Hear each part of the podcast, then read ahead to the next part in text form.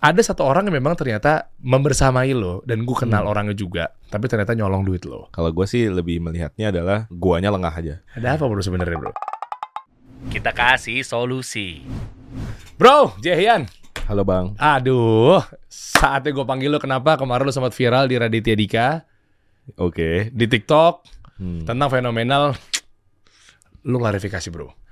Lo dikadalin sama seseorang Hmm. atau bahkan bisa dibilang gue nggak tahu ini ngarah ke penipuan kah? Masalahnya partner bro. Iya. Ini sempat rame. Padahal nanya ke gue juga. Ini oh, rame bang, ini bang, begini begini. Gue cepet cari apa segala macamnya. Nah ternyata eh, bisnis itu nggak melulu terkait dengan optimasi, strategi. Tapi gue harus belajar gimana caranya eh, biar terhindar dari penipuan. Ini viral bro.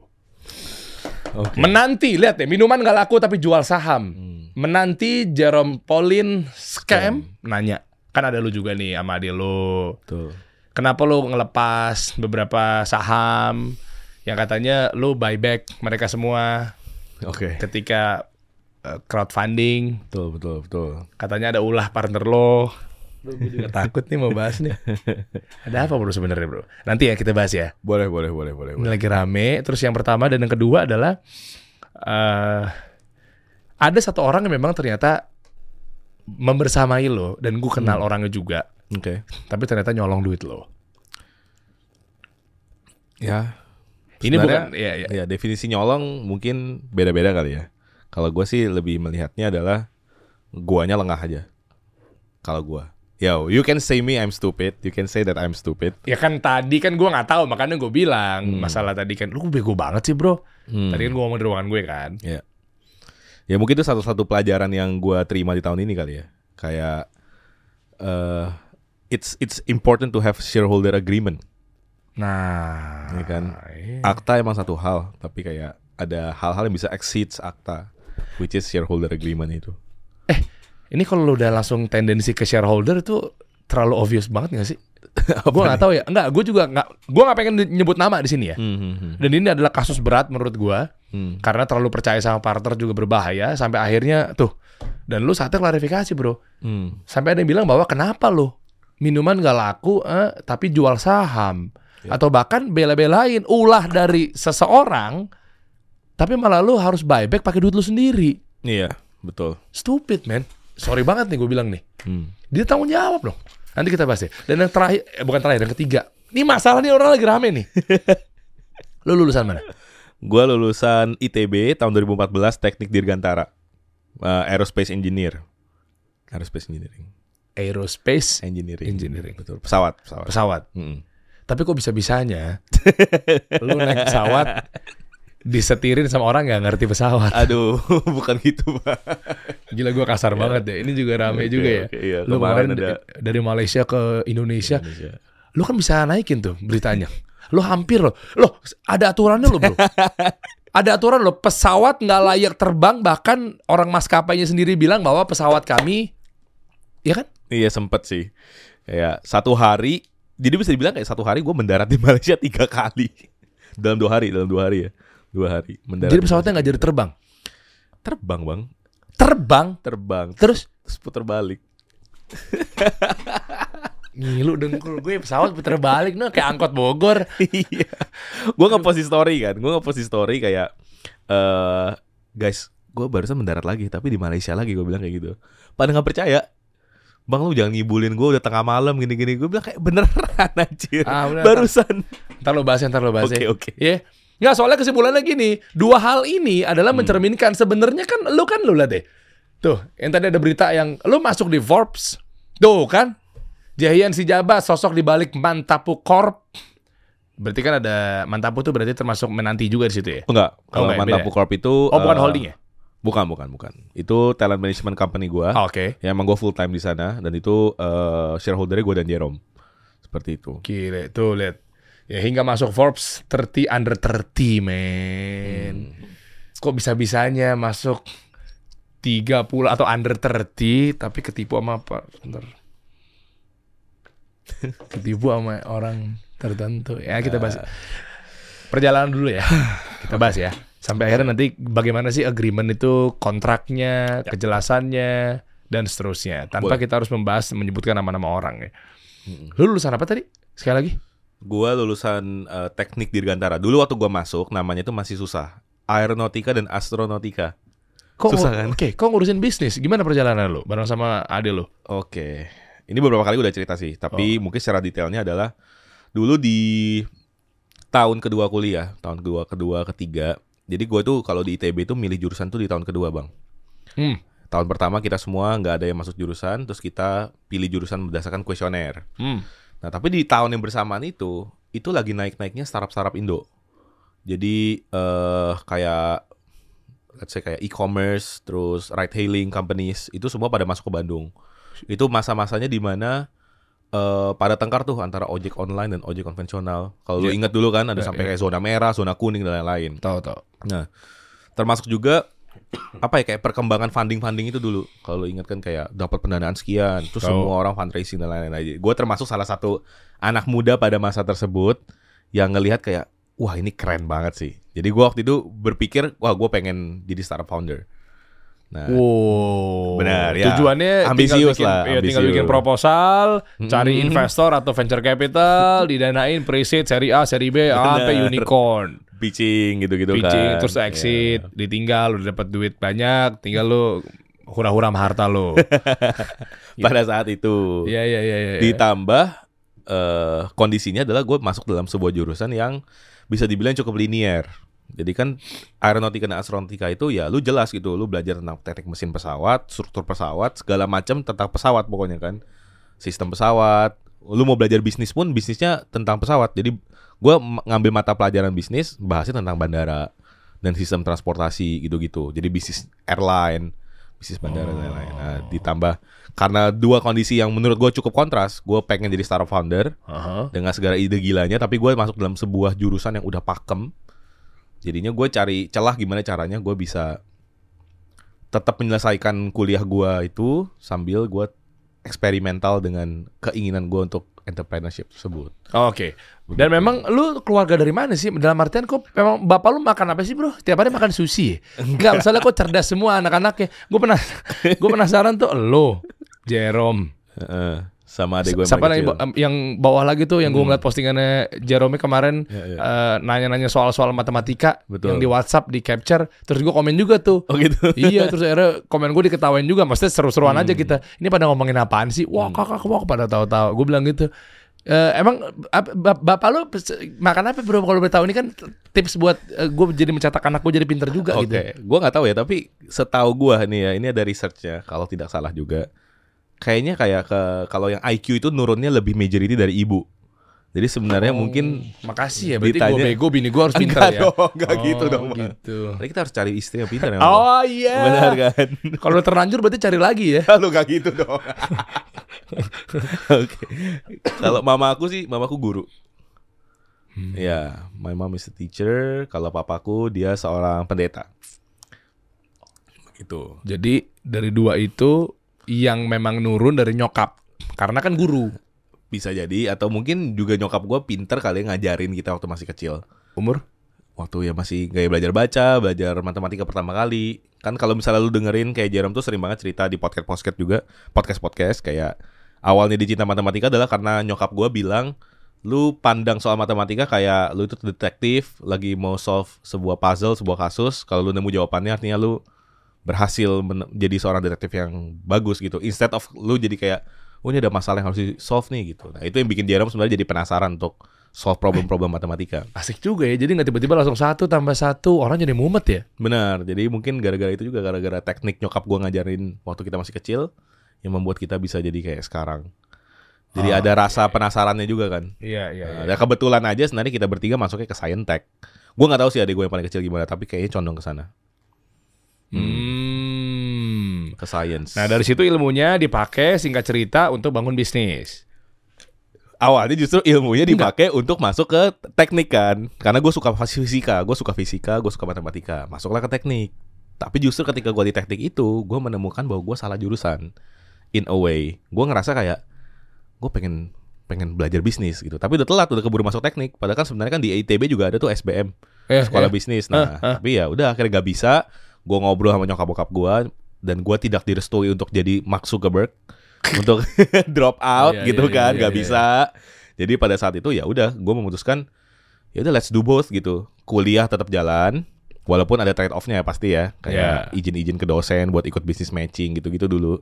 Ah. Terus gua join di ITB itu ada namanya Lembaga Pengembangan Inovasi dan Kewirausahaan. Nah, Hmm. di situlah gua pertama kali bikin bisnis dalam tanda kutip sama Jerome. Jadi sebenarnya Hmm. sebelum menanti, sebelum Mantapu Corp itu adalah si bisnis waktu gua Ah, kuliah itu. oke. Dan sebenarnya kalau lu cek di Under 30 di apa namanya di websitenya Under 30 itu sebenarnya gua masuknya under that that that startup, that business Oh jadi ada banyak eh, kategori-kategori gitu ya? kategori kita kan masuk kategori marketing tapi eh, waktu ditulis kayak Jerome Pauline and Jahian Panangian founder of founder of itu tulisnya as Q&A Group jadi Q&A Group itu nama eh, kayak edut edut education platform gua dulu sama Jerome Oh oke. ya itu yang gua bikin waktu gua masih kuliah Dan tolak ukurnya gimana sih? Eh, m- bisa masuk di sini tuh? Dari apa sih? sejujurnya gua Enggak, nggak gue awam ya. Maksudnya Oke. re- revenue basis atau apa sih?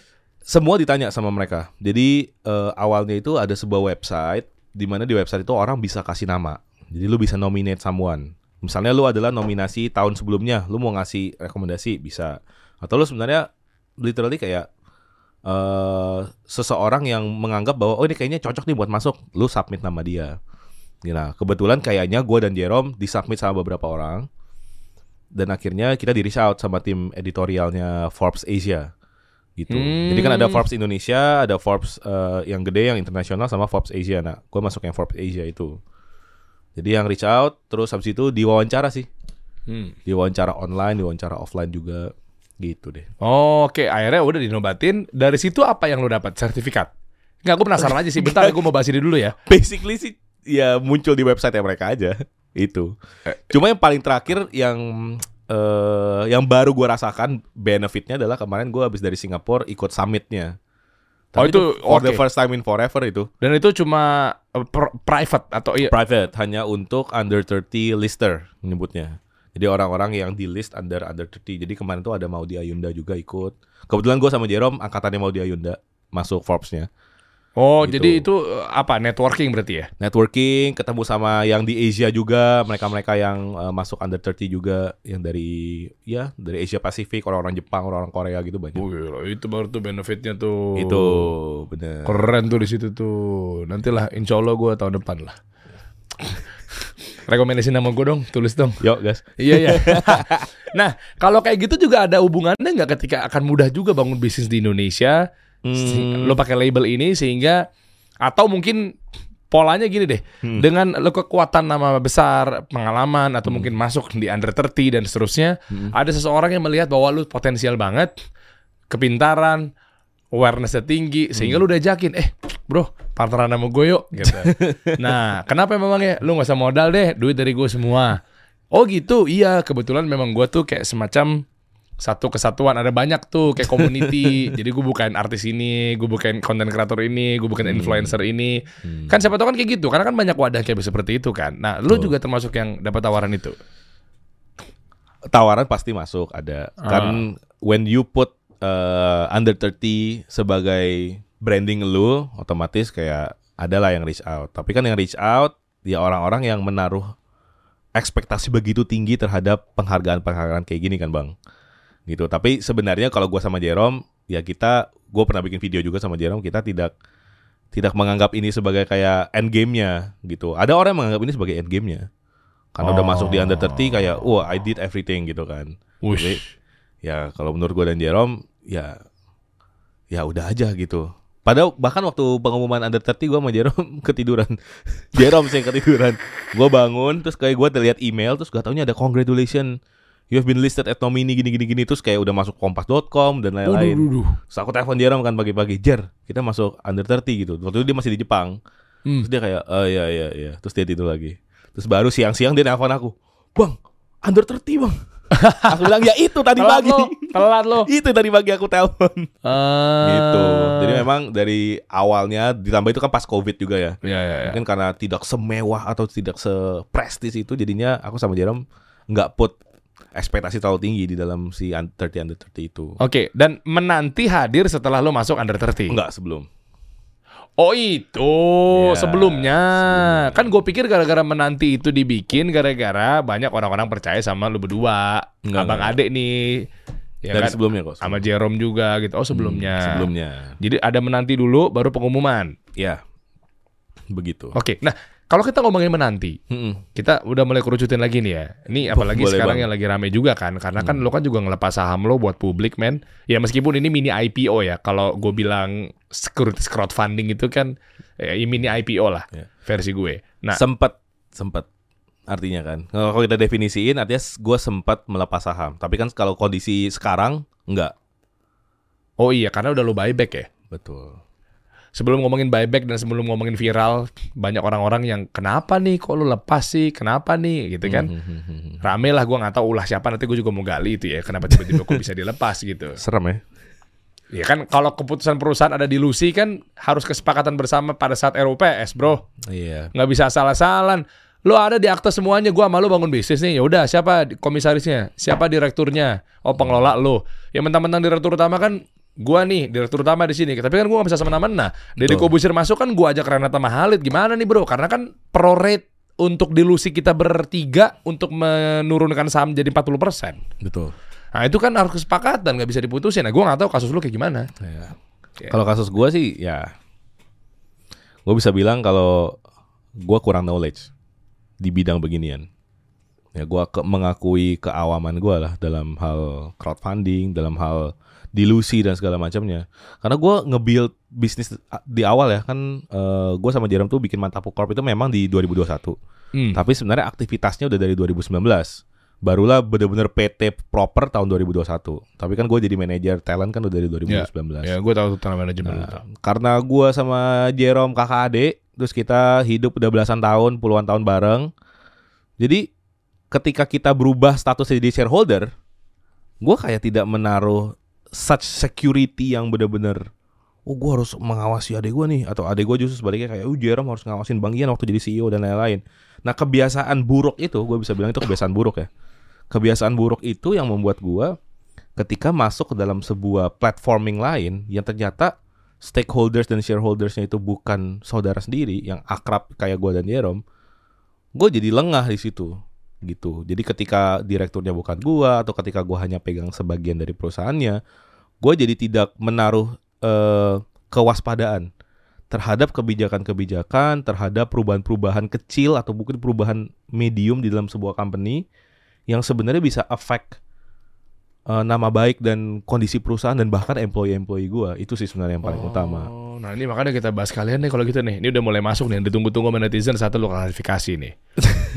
Gini bro, Gue harus ganti duduk dulu nih. kalau- ya ya udah, mau tenang, sabar, karena gua nggak tahu ya, apakah orang-orang yang ada di dalam ternyata dia menjadi oknumnya kan gua nggak tahu. Bisa jadi memang total pemegang saham, taunya ada pihak yang kedua atau ketiga yang bermasalah. Makanya Ya. kan gua harus gali nih, Ya, ya. oke?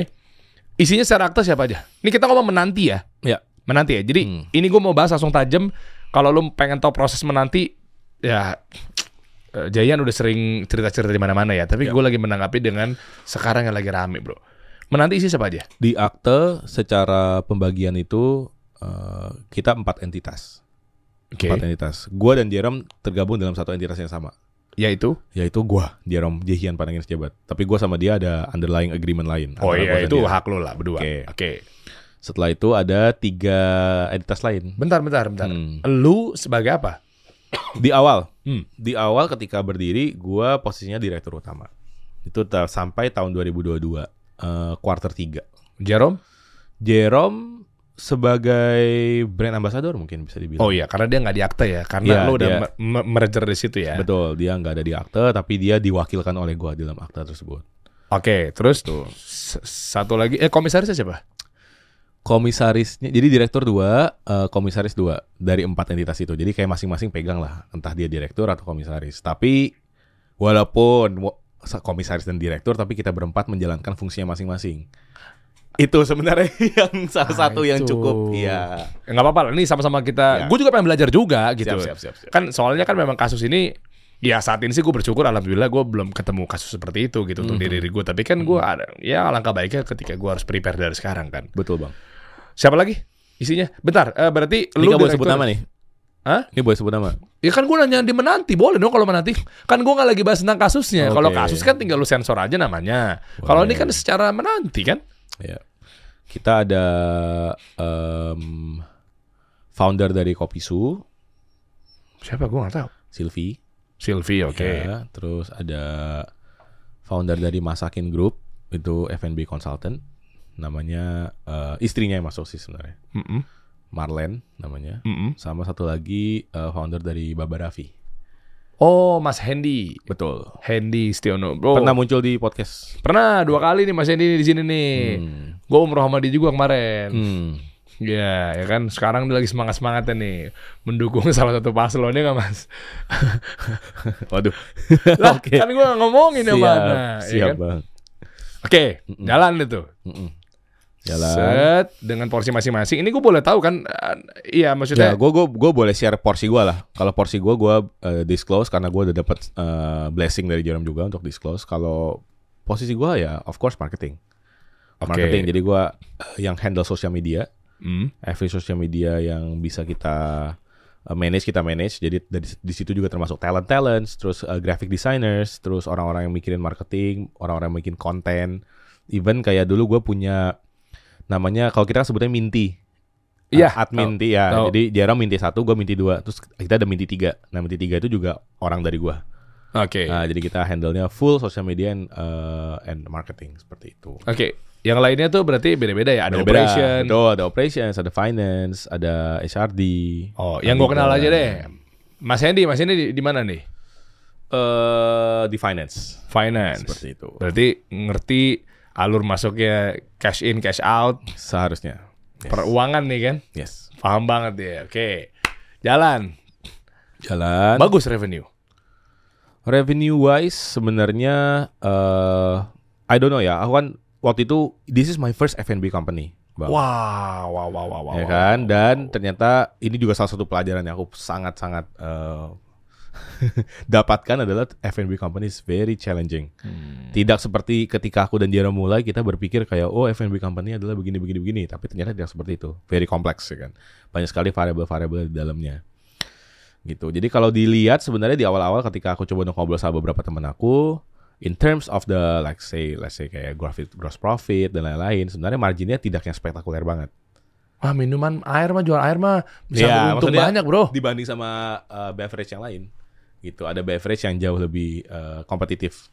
Oh, karena lu ada topping-topping gitu ya. Kita ngomong cost ya. Kalau kita tuh waktu itu uh, salah satu yang melemahkan margin kita adalah fruits. Karena kita mainnya adalah real fruits. Kita bukan uh, bukan Essence. bukan essence, bukan essence. Uh, kita pakai potongan buah asli dan teh kita itu bukan teh serbuk, tapi teh uh, seduh. Jadi uh, everything itu punya expiry, everything punya waste um, capability yang cukup tinggi. Dan ini baru gue pelajarin sebenarnya baru akhir-akhir ini. Wah. Waktu gue jadi direktur utama lagi gitu. Oke. Hmm.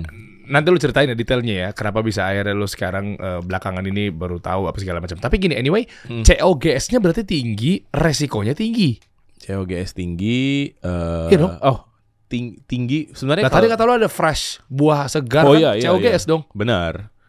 Tinggi Iya, banget iya, kan modal lu berarti kan cost-nya biaya produksinya. Iya, iya. Iya kan? Quite high. Yes. Hmm, terus kalau untuk dari sisi resiko juga tinggi, high risk. Dari sisi resiko. Sebenarnya kalau dari Ba- sisi resiko iya, busuk buah gitu kan. Oh iya iya iya, benar dari situ. Tapi kan dulu kita growth eh, variabelnya kencang banget, Bang.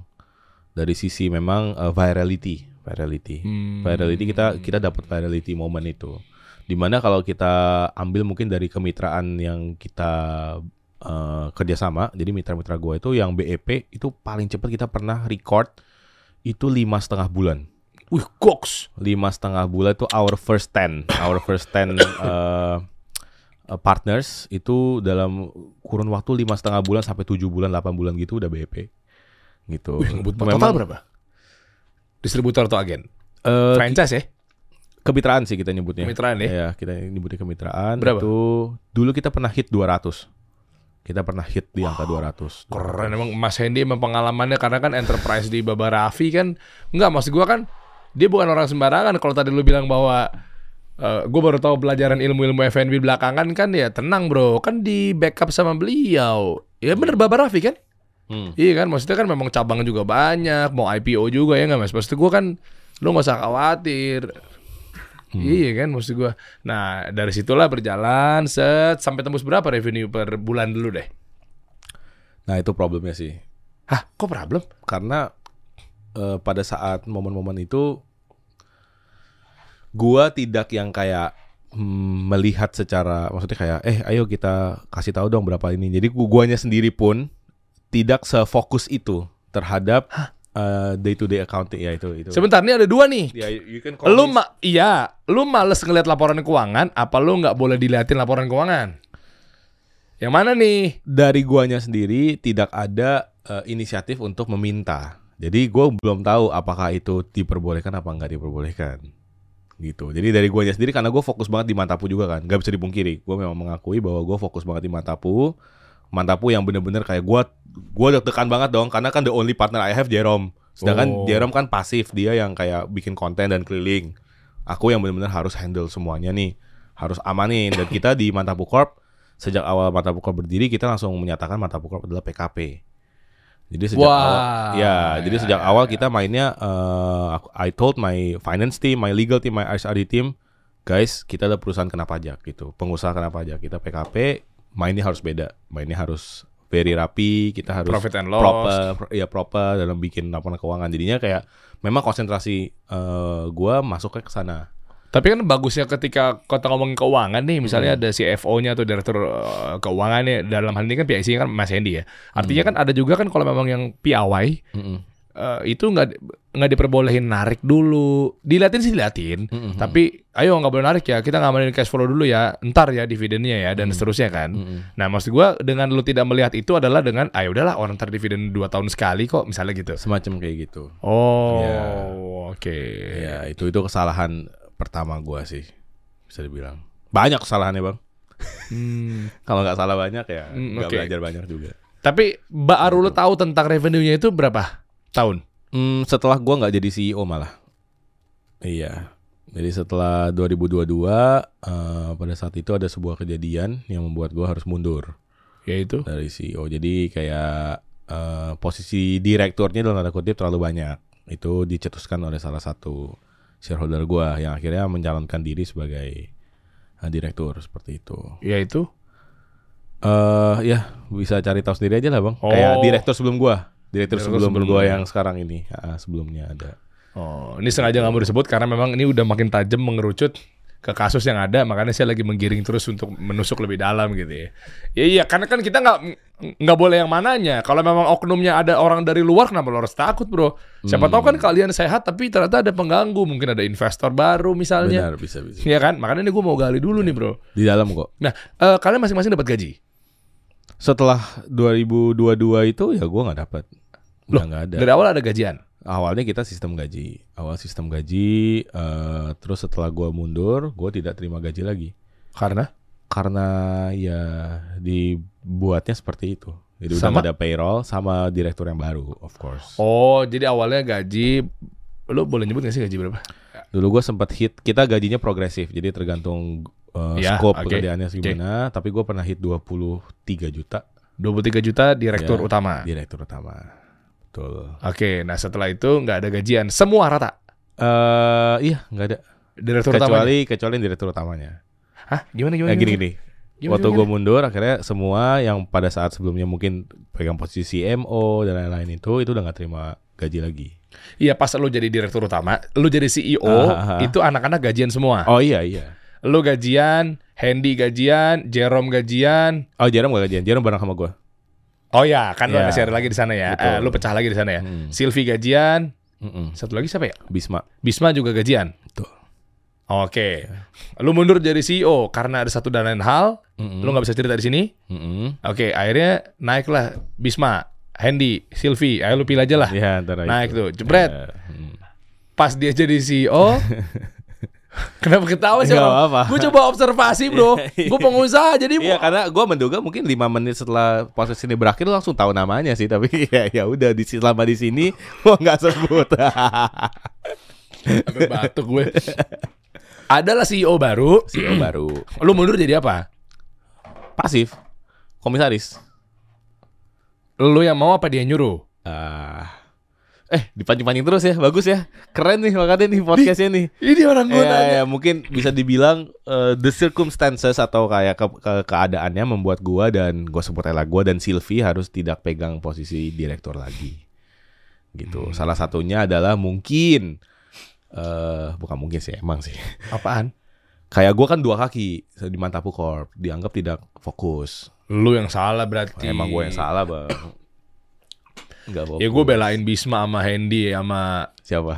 Ya, Jarum nggak ada, Jarum di lu ya. Iya, ya udah gue belain. Lu nggak, lu nggak boleh harus fokus.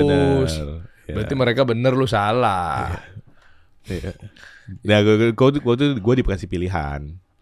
Ya gue of course akhirnya memilih gue mau full time di Manapur. Maksudnya secara direktur utama gue nggak bisa lepas. Makanya lu pilih jadi komisaris. Bisa komisaris. Sedangkan itu juga yang dirasakan oleh eh, Sylvie seperti itu. Sylvie juga sibuk karena dia Pada waktu itu dia eh, kebetulan mengandung juga. oh Iya, ditambah dia juga harus ngurusin uh, oh, capek lah hamil kan. Ya. Nah makanya akhirnya CEO berarti kan gak ada lain kan berarti Bisma yang jadi CEO-nya.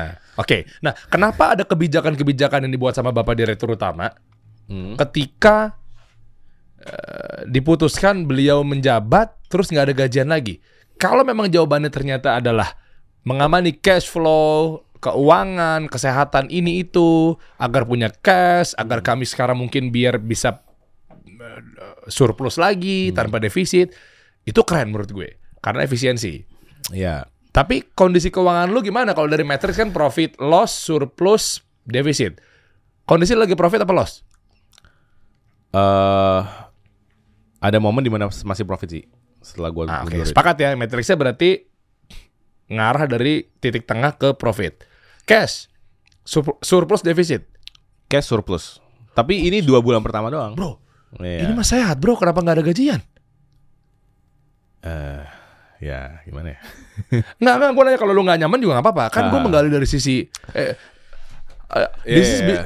this is podcast business bro. Yes. Jadi kita harus gue gali Justru makanya karena ini podcast bisnis dan gue yakin penonton-penonton lu pada orang-orang yang tidak awam bisnis. Makanya gue sebenarnya di sini terbuka ak- ata- atas kebodohan-kebodohan gue bang. Jujur ya gue ngelihatnya adalah oke, gue di Mantapu juga nggak ambil gaji yang sebesar itu, ngerti gak? Karena gue melihatnya gue sama Jerome, oke kita kerjain bareng-bareng. Dia juga capek ngerjain YouTube tuh, ngecapek ngerjain apa AdSense-nya dimasukin ke Mantapu Corp gitu kan untuk untuk gak bayar gaji anak-anak juga jadi kayak for what gue ngambil gaji yang akhirnya ngambil adsense-nya Jerome gitu kan gue ngeliatnya kayak gitu Hmm. nah jadi ketika gue dibilang di menanti udah nggak usah terima gaji lagi gue kayak oke Fa- ah, aman aman aman gue di mantapu juga nggak terima gaji kok kayak gitu kan Iya, cuma kan harus ada alasan dalam artian kesepakatan bersama yang dilakukan adalah gara-gara kita ngamani ini nih cash flow kita babak belur. betul uang masuk lebih lama dibanding uang keluar. Kan kalau sehat kan uang masuk lebih cepat, uang keluarnya lama. Hmm, hmm, hmm, hmm. Gajiannya bisa ditermin tuh pegawai. Ya, Misalnya contoh, kan rumus cash flow begitu, ya kan? Tapi yang jadi celaka adalah perusahaan cash flow-nya goyang adalah ketika uang masuknya lama, lebih lambat iya lebih lambat dibanding uang keluarnya. Arus kasnya bermasalah kan? Hmm, hmm. Nah, makanya oke lah kalau gitu semua eh, stakeholder atau mungkin semua si level BOD nggak terima gaji ya keren. Iya. Kalau memang ternyata cash flow-nya bermasalah. Ya anyway, ya sudah lah mungkin Pak CEO kan kalau pemimpin harus kita turutin bro. Dia kan punya mandat yang luar biasa. ya Ya kan? Nah, makanya berarti ada keputusan yang harus dilakukan mungkin untuk menjaga mengancangkan ikat pinggang biar nggak jadi bermasalah arus kasnya. Oke, akhirnya nggak gajian. Tapi Nggak beliau gajian. gajian. beliau gajian Oh ya keren. Ya. Kaget ya, masa sih lu canda lu? gajian gajian Oh. ya gajinya naik lagi itu sih problemnya Eh gue gak denger Salah kok. satu- enggak ya udah nggak denger kan amannya tolong disensor ya yang barusan ya itu sih ya? ya itu salah satunya tapi gue tidak melihat itu sebagai masalah juga as long as ya sekali lagi bodoh ya. Bodoh kan? Sekali lagi bodoh. Tapi gue tidak melihat itu sebagai oke as long as you do ngecover kerjaan semua yang awalnya dikerjain empat orang misalnya kan jadi dikerjain satu orang Kenapa enggak? I'm okay gitu. Hmm, with the increase of payroll dan lain-lain. Nyatanya?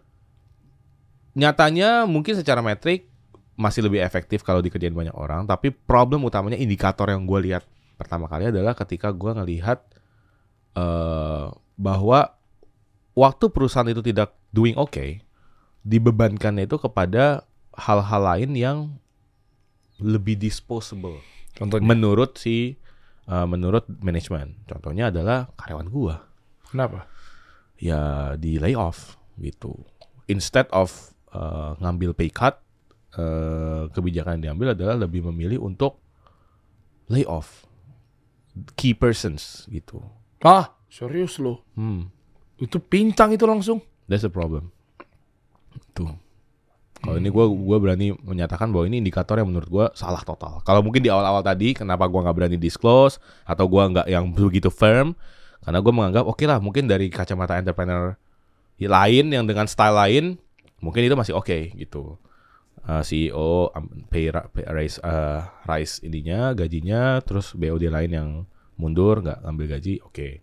Tapi kalau itu udah kayak apa ya kayak menusuk lah ya menusuk perut menurut menusuk perut sendiri aku bisa bilang kayak gitu. Dengan cara eh, ya orang-orang yang seharusnya dibutuhkan oleh company ini jadi di layoff itu menurut gue itu udah indikator yang salah gitu.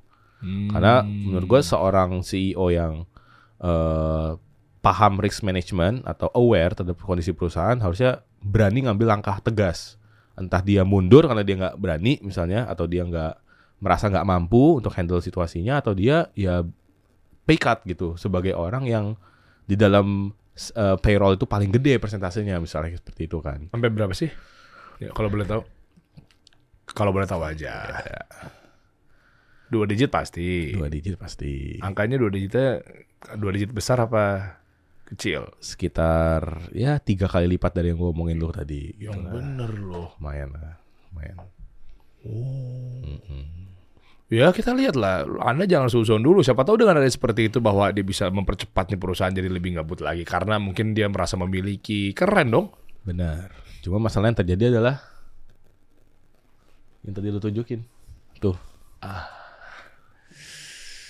itu Sebentar, sebentar, sebentar. Gua ambil kesimpulan nih. Begitu udah ada perubahan struktur organisasi, perubahan BOD, tanggung jawab, malah ngelepas saham untuk publik. gue disclaimer dulu yang dilepas tidak semuanya jadi eh, crowdfunding itu untuk toko-toko yang memang milik sendiri milik pusat Total ada berapa? empat Sisanya berarti masih banyak cuma empat toko itu itulah yang di crowdfunding dan dilepas kepemilikannya nilainya? crowdfundingnya Heeh. enggak berapa persen dulu? 40 persen 40% dilepas ke eh, publik. ke publik lewat platform crowdfunding Oh, lewat sebuah platform crowdfunding. Betul. Oke, ya sebut saja X lah. ya X Oke. Nah, si X ini dengan punya fitur biasanya tuh kalau platform crowdfunding atau securities crowdfunding tuh ada dua, ada saham sukuk. Hmm. Sukuk itu by project, saham itu memang dia masuk ke dalam gitu ya. Iya, Nah, akhirnya dilempar tuh. Betul. Ada yang mau nggak gitu ya? betul. Ya kan? Nah, untuk 40% itu, itu angka berapa yang dibutuhkan pendanaan? Gini, sebelum ke pendanaan, Hmm. pendanaan dilakukan untuk apa? Kenapa Bapak CEO, ya pokoknya siapalah manajemen gitu keputusannya. Sebentar, ini manajemen apa perorangan nih keputusannya? Untuk dia ngelepas saham? eh gue pernah ngobrol sama orang crowdfundingnya dan gue juga pernah discuss lah sama orang OJK. Jadi waktu itu tuh eh, OJK lagi kunjungan, terus pada saat itu aku baru belajar tentang crowdfunding ini kan. Jadi gue nanya waktu itu ke si orang OJK-nya, Mas, sebenarnya kalau saya komisaris gitu, saya butuh tanda tangan sesuatu gak sih sebelum kayak eh, masuk ke dalam si atau bikin crowdfunding seperti ini gitu. Dan pada saat itu sebenarnya eh, pihak OJK-nya bilang ya itu salah satu itulah tujuan kami interview Bapak. Jadi waktu itu interviewnya tentang proses eh, onboard. Kalau misalnya pengen jadi penerbit penerbit efek ya, kalau Iya, salah iya. istilahnya iya, itu ya. Iya, penerbit, betul. Ah, jadi kayak justru itu yang saya mau tahu dari Bapak. Menurut Bapak sebenarnya lingkup requirements-nya sebelum bisa nerbitin saham itu dari perusahaan yang ngebukanya itu harus ada apa sih eh, level-level layer-layer approval-nya gitu. Apakah harus sampai ke setiap pemegang saham atau cuma yang majority doang atau kayak gimana. Nah, itu yang akhirnya gue bilang ke Bapak OJK-nya, "Iya, Pak OJK please, Pak." Yang kayak saya ini, Pak, yang nggak tahu gitu kan. Tolong kalau misalnya mungkin ada perusahaan-perusahaan lain yang ada shareholdernya nggak tahu apa-apa tentang crowdfunding, terus kayak tiba-tiba salah satu manajemennya eh, ambil keputusan buat itu, tolong dibantu untuk apa bikin regulasinya gitu. Oh, jadi Gitu. kesimpulannya ketika lagi bergabung sama platform atau securities crowdfunding, Hmm, mungkin ada loophole loophole yang membuat kayak oh Oh. eh, ternyata bisa crowdfunding eh, tanpa benar-benar approval yang Ah. strict gitu. Sedangkan kan di sini kita berbicara tentang uang masyarakat gitu. Oh iya iya. uang iya. masyarakat yang tidak lewat jalur IPO kan, Iya iya. ya bukan lewat eh, bursa efek gitu. Eh, tapi kan Itu tetap diawasi OJK. benar, itu itu itu benar. Iya, dan maksimal 10 miliar tuh. Tuh. Ya kan kalau fintech maksimal 2 miliar. Hmm, Itu ketetapannya keren tuh kawan-kawan kita di OJK gitu ya. tuh. Eh, eh, bentar, fintechnya yang peer to peer ya? peer to peer ya. Iya. Iya, Jadi pada nah. saat itu ya akhirnya barulah aku belajar banyak kan dari eh, kunjungan OJK gitu dan kayak dari keputusan-keputusan dan dari semua ilmu yang aku dapat setelah ngobrol sama pihak crowdfunding dan pihak OJK-nya pada saat itu aku memutuskan ini agak lompat ya tapi aku memutuskan adalah aku telepon Jeram aku bilang "Uh, we need to give the money back ke masyarakat lewat jalur buyback Oh. itu wah itu Bentar, ini ini ini, ini nanti akan nyampe ke sana nih. Hmm. Bentar dikit lagi. Boleh, ini, ini ini tegang banget tuh. Pasti lu akan membersihkan nama baik lo gitu kan? itu juga salah satu pelajarannya karena kayak walaupun equity-nya sama bang tapi PR wise itu bisa beda Oh iya. kayak misalnya lu nih bang misalnya lu punya investor investor yang pasif gitu dia mungkin owns double digit persen tapi dia nggak dikenal di masyarakat mungkin di akta ada tapi di- nggak dikenal oleh masyarakat awam ketika perusahaan itu bermasalah sebenarnya secara Oh, PR wise orang-orang seperti kita yang pergi Ta- ke masyarakat tampil, yang punya tampil. followers tampil itu yang lebih apa ya lebih vulnerable Iya, aku bisa iya. bilang gitu Iya, iya. dan itu yang aku sangat rasakan di Nah itu makanya. momen ini begitu. Bela-belain lu buyback kan jadinya kan. Lu balikin tuh semua Iya. uang-uang dari masyarakat. Itu kan istilahnya. istilahnya dari situ Iya lu keluar duit, lu beli balik. Tapi sebelum ke situ gini bro. Berarti kan keputusan dari eh, pelepasan saham itu di crowdfunding itu, di platform itu, berarti kan tanda tangannya hanya tanda tangan orang-orang yang salah satunya atau bahkan satu-satunya cukup dengan direktur utama saja yang tanda tangannya ya ini sebenarnya eh, gua nggak tahu ini privilege apa bukan ya, tapi direktur utama itu memang pegang kendali terhadap eh, tanda tangan eh, dan seterusnya gitu loh. Dibutuhin tanda tangan apa pun itu. Nah, berarti kan tanda tangan dari Pak Dirut kan. Hmm. Dia yang memutuskan dan dia akhirnya jadi solo karir tuh di situ dia tanpa berembuk dari semuanya gitu. Ya itu pro- salah satu project yang akhirnya kayak didisclose ke shareholder lainnya mungkin hanya sepotong-sepotong gitu. Jadi kayak gue sama Jerome akhirnya terima brief aja gitu, terima brief, monggo di di di dipromosikan gitu. Pada saat itu gue juga sekali lagi gue belajar tentang crowdfunding adalah setelah gue ngobrol sama orang OJK dan platformnya itself. Jadi pada saat Oh. itu akhirnya ya gue sama Jerome, oke this is for the company untuk kita uh, Growth. ada growth, ada working capital dan lain-lain, ya kita promosiin juga. Nah, akhirnya ternyata itulah yang kan yang baru dipakai oleh para pakar finansial, which is I'm so thankful. Karena ketika gua ngeliat sekarang, gue jadi sangat berterima kasih dengan semua kritiknya mereka. Banyak banget yang akhirnya kayak bikin berita seperti ini muncul di TikTok, bikin di Twitter dan lain-lain, terus ngetek gue dan Jerome, gue baru akhirnya belajar dari situ kayak kayak salah deh kita nih. Kita, kita kenapa aktivitas crowdfunding ini berdampak sebegitunya? menurut para pakar financial, financial content creator dan berita-berita ini adalah karena karena kita menjual menjual saham itu kepada orang-orang yang tidak mengerti gitu masyarakat awam ini followers followers kita orang-orang yang mungkin eh, hanya punya 100 ribu 200 ribunya mereka terus mereka inject untuk investasi padahal mereka nggak tahu mereka investasi di instrumen yang seperti apa nah itu jadi titik awalnya tuh gue mulai deg-degan kan di situ kayak nggak mungkin selama ini kalau nggak salah dalam kacamata gue Oke, nah ini gue coba eh, saling mengisi kacamata ya bro. Hmm. Tapi kan ada juga dibenarkan crowdfunding itu ketika memang ternyata butuh pengembangan tuh bisnisnya. Betul. Ya kan, jadi bahkan yang berikutnya ada lagi sisi positifnya. Hmm. Ada orang-orang yang memang ternyata lu libatkan, merasa memiliki perusahaan, sehingga perusahaannya bisa berjalan dengan ngebut, Hmm. itu kan juga positif. lu bisa membuka lapangan pekerjaan, lu bisa punya berikan satu peluang usaha bisnis, profitability. Well that's correct. Itu betul dalam satu eh, apa ya dalam satu POV karena waktu gua RUPS buyback itu kan gua ngobrol sama sama masyarakat tuh. Pada Hmm. saat itu kita lewat Zoom, terus eh, kita RUPS, terus gua buka sesi untuk mereka ngobrol. Dan dalam beberapa sesi obrolannya itu ya, bener ya kayak eh, banyak banget yang sincere. Jadi bener-bener dari dalam hati mereka mereka memang invest untuk bantu gua dan Jerome. Jadi mereka bilang gini kayak apakah benar-benar harus di buyback nih? kak gitu. Ya berarti bagus dong. Iya sebenarnya kan, tapi itu adalah satu di antara seribu orang lain karena investor gue pada saat itu ada tiga ribu orang bang. Itu satu di antara seribu orang lain yang mungkin kayak pakai uang jajannya mereka, uang yang mereka bisa pakai untuk hidup, untuk investasi di crowdfunding ini dan itu yang membuat gua khususnya gua dan Jerome itu sangat-sangat tidak nyaman gitu di sana. Jadi semua kritik dari para pakar ini membuat gua berpikir dan kenyataan bahwa orang-orang yang invest ini profilnya bukan profil investor yang ngerti cold money dan hot money, ngerti nge-manage uang mana yang buat dimainin, mana uang yang buat disimpan untuk kehidupan, uang urgent dan lain-lain. Itu membuat gua akhirnya kayak wah, Oke. kita hutang Nah. iya moralnya itu kan kayak Paham paham. Coba Hmm. para pakar bilangnya apa? Nggak, gue penasaran aja sih. Maksudnya Ya, dari pada sisi negatifnya kenapa? Melihatnya adalah eh, kalau misalnya ini kan kalau misalnya menanti memang growth-nya sekencang itu ngapain lu lepas saham ke masyarakat? Apakah ini cara lu buat exit? Apakah ini cara lu sebenarnya lu pengen ngambil duitnya? Apakah sebenarnya eh, menanti tidak seprofitable itu?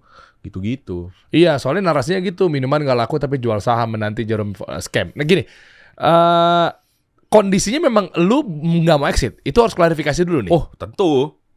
Nggak ada dalam pikiran gua untuk exit pada saat itu ya. Well, even sekarang juga kalau Oh. gua nggak bakal nggak bakal ambil posisi direktur utama lagi gitu ini Oke. adalah sejak awal ketika gua membuat menanti bersama dengan Jerome gua punya kesepakatan sama Jerome adalah let this be let this be our our only F&B project gitu yang antara aku dan Jerome gitu Hmm. jadi this is our first baby ya let's ya mature it up together gitu kita kita benar-benar ngelihat dia sampai tumbuh kembang besar dan lain-lain Apalagi kan dengan kondisi keuangan juga lagi sehat gitu ya. Jadi kan butuh pengembangan dari apa? Lu bertahan dari cash flow aja udah bisa pengembangan kan maksudnya kan? Ya in a way kayak gitu. Jadi makanya Oh, nah Gitu terus lah. apa keputusan Pak Dirut?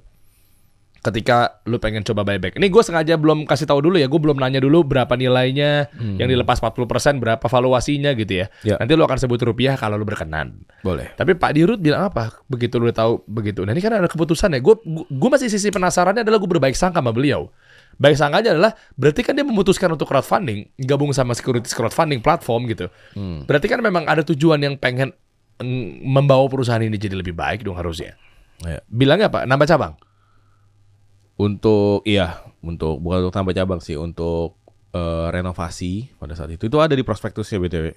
Untuk perbaikan semua ya kayak kayak revitalisasi lah ya bisa dibilang dari si gedungnya yang dua tiga toko itu karena itu ada lumayan besar ada ruko terus ada lantai duanya terus ada kantornya juga di sana Permajaan lah ya. permajaan Oke. betul yang Dan lain-lain. dan lain-lain. Cuma pada saat akhirnya aku mem- me- mencetuskan ide buyback itu, ya ternyata ya uang crowdfundingnya itu udah terpakai, Sama siapa? terpakai untuk ya itu melakukan eh, ya salah satunya, Ah. ya salah satunya opex begitu, yang di mana opexnya ini juga dikontribute besar sama manajemen atau orang-orang yang eh, head level ke atas kayak gitu-gitu kan, termasuk juga dari si eh, directors yang ya cuma satu orang itu. Finance. Bukan, yang utama. Ya, yang itu yang utama. Nah, Wah, jadi- gila kompleks banget ya. makanya itu yang membuat gua pada akhirnya ya gua bilang ke Jerome, ya this is the this is the ya you, once again lu bisa bilang gua goblok dan bodoh, tapi gua bilang ke Jerome, ya this is the the the the, the price that we need to pay. Ini harga yang harus kita bayar. Makanya buybacknya pakai uang pribadi. Pribadi. Oke, kita ngomongin uang. 40% dilepas ke publik Mm-mm. lewat securities crowdfunding platform. Oke. Yang mana 40% itu berapa nilainya? Yang nanti akan masuk ke tempat lo. Eh, lebih dari 2 m. 2 miliar lebih. Ya, that's the target. 2 miliar 40. Bro, gak kegedean bro. Ya gede. Secara persentase Ya bro. gede banget. Gede banget loh. Ya maksudnya dengan diukur bahwa valuasi lo berapa, kita berangkat dari revenue deh. Revenue lo kalau lo boleh cerita setahun berapa? Untuk yang empat toko itu, Iya. yang empat toko itu mungkin Kan empat doang kan yang dilepas kan? dilepas empat. Iya, berapa empat toko setahun? Empat toko sebulan kali ya? Iya, bulan. Sebulan boleh lah di sekitar 100 lah. Total? 100-an. Total. Total 100. Ya. 100 kali Ini revenue kan bukan profit kan? revenue revenue revenue. iya. Bentar, gue lagi ngukur dia pakai pakai pola yang mana nih? Rasio atau multiple atau berapa kali berapa dari revenue? Re- Satu 100, 100 kali setahun berapa? 1,2 m. 1,2 m Anggaplah multiple kali berapa sih? 3, 5, lebay sih dua aja deh. Hmm, 1,2 kali 2 berapa? 3 m. Eh, anggap lu 3 M ya? Hmm. Eh, setengah- 2,4. 2,4. Eh, 2,4. Iya, 2,4 eh, 2 M. Ya logis sih kalau kali 2 ya. kali 2. Kalau kali 2 sih logis sih. Ya. Tapi gue masih penasaran kenapa angkanya 40% itu sih. Ya. Oh bentar. Oh berarti lu dari valuasi ya. Berarti 40 persennya 2, gue malas ngitung sih sebenarnya sih. Udahlah pokoknya intinya 2,8 dapatnya 40 persen. Ya lu tinggal kali aja berarti valuasinya berapa. Anyway, masuk ke mana? Masuk Perusahaan. ke Bisa bisa cash out nggak? Ini ada dua nih, working capital apa cash out founder? hmm, working capital. Semua. Bilangnya sih seperti itu. Tapi kan ya Gue nih dengernya nih. lo kan ngerti lah F&B Aduh. there is uh, there is channels lah yang bisa dipakai untuk Iya, masuklah anggaplah taruhlah 2,8 miliar. hmm. Taruhlah kan gua kan random aja angkanya. Kan lu bilang 2 miliaran kan. Kalau gua bilang random aja 2,8 M gitu. 2,8 miliar dia dapat 40% publik. Berarti lu delusi semuanya. Berarti sekarang 60% dibagi. Lu Jarum ada di situ kan. Hmm. Eh, dan yang empat tiga lainnya tiga lainnya. Oke? itu under satu company baru tapi jadi bukan masyarakat tidak masuk ke PT-nya menanti. Oke lah, anyway. Ya, oke. Nah, akhirnya dapat dari situ 2,8 miliar misalnya, misal, Misalnya. misal masuk cepret 60% lo berempat. Ya kan? Hmm. Karena Jarom kan satu tubuh sama lu kan. Hmm. Nah, 60% dengan prorata masing-masing dari hasil eh, ke 40%-nya ke, ke dilusi, kepotong tuh buat publik. Pengembangan perusahaan. Hmm. Biasanya uang masuk nggak cuma pengembangan perusahaan, Bro Hmm. working capital atau cash out. Cash outnya balik lagi prorata lagi tuh. Pendapatannya sahamnya berapa? Misalnya saham lo di situ ada 20% ini misal. Ya berarti 2,8 kali 20%. Tuh. Kalau cash out dengan catatan cash out semua ya lo bisa tarik tuh duitnya. Tapi ternyata ada working capital atau nggak dibagi dua juga 50%. Gua dan Diaram tidak menerima sepeser pun dari uang crowdfunding itu. Nah, jadinya nggak ada dong. Oh ya, tapi gue nggak bisa counter juga dong. sih. Ya gue nggak bisa counter juga kalau memang ternyata kesepakatannya adalah semuanya buat working capital ya. Ya, working capital. Tapi sekali lagi working capital di situ apa yang dimaksud dengan working capital? Ya pengembangan, mau Pengembangan. mau renovasi, mau nambah aset, mau beli mic, Ya, mau beli aset, mobil. ya kan, beli aset, eh, termasuk juga bayar gaji. Iya boleh, ya memang buat itu juga buat runway berapa setahun misalnya panjangnya buat operasional. Dikeluarin nggak buat itu? Ya dikeluarin buat itu. Ada kan? Ada. Ya udah. Kan sekali lagi kan ya bisa aku bilang strateginya yang tadi. OPEX, kalau mau ngurangin OPEX yang di-cut adalah orang-orang yang gajinya dua setengah, empat setengah, enam juta yang disposable ini. Gitu. Jadi yang tebal-tebal payrollnya tetap menikmati dari uang hasil crowdfunding itu. Itu hasil yang gua terima gitu dan yang gua rasakan.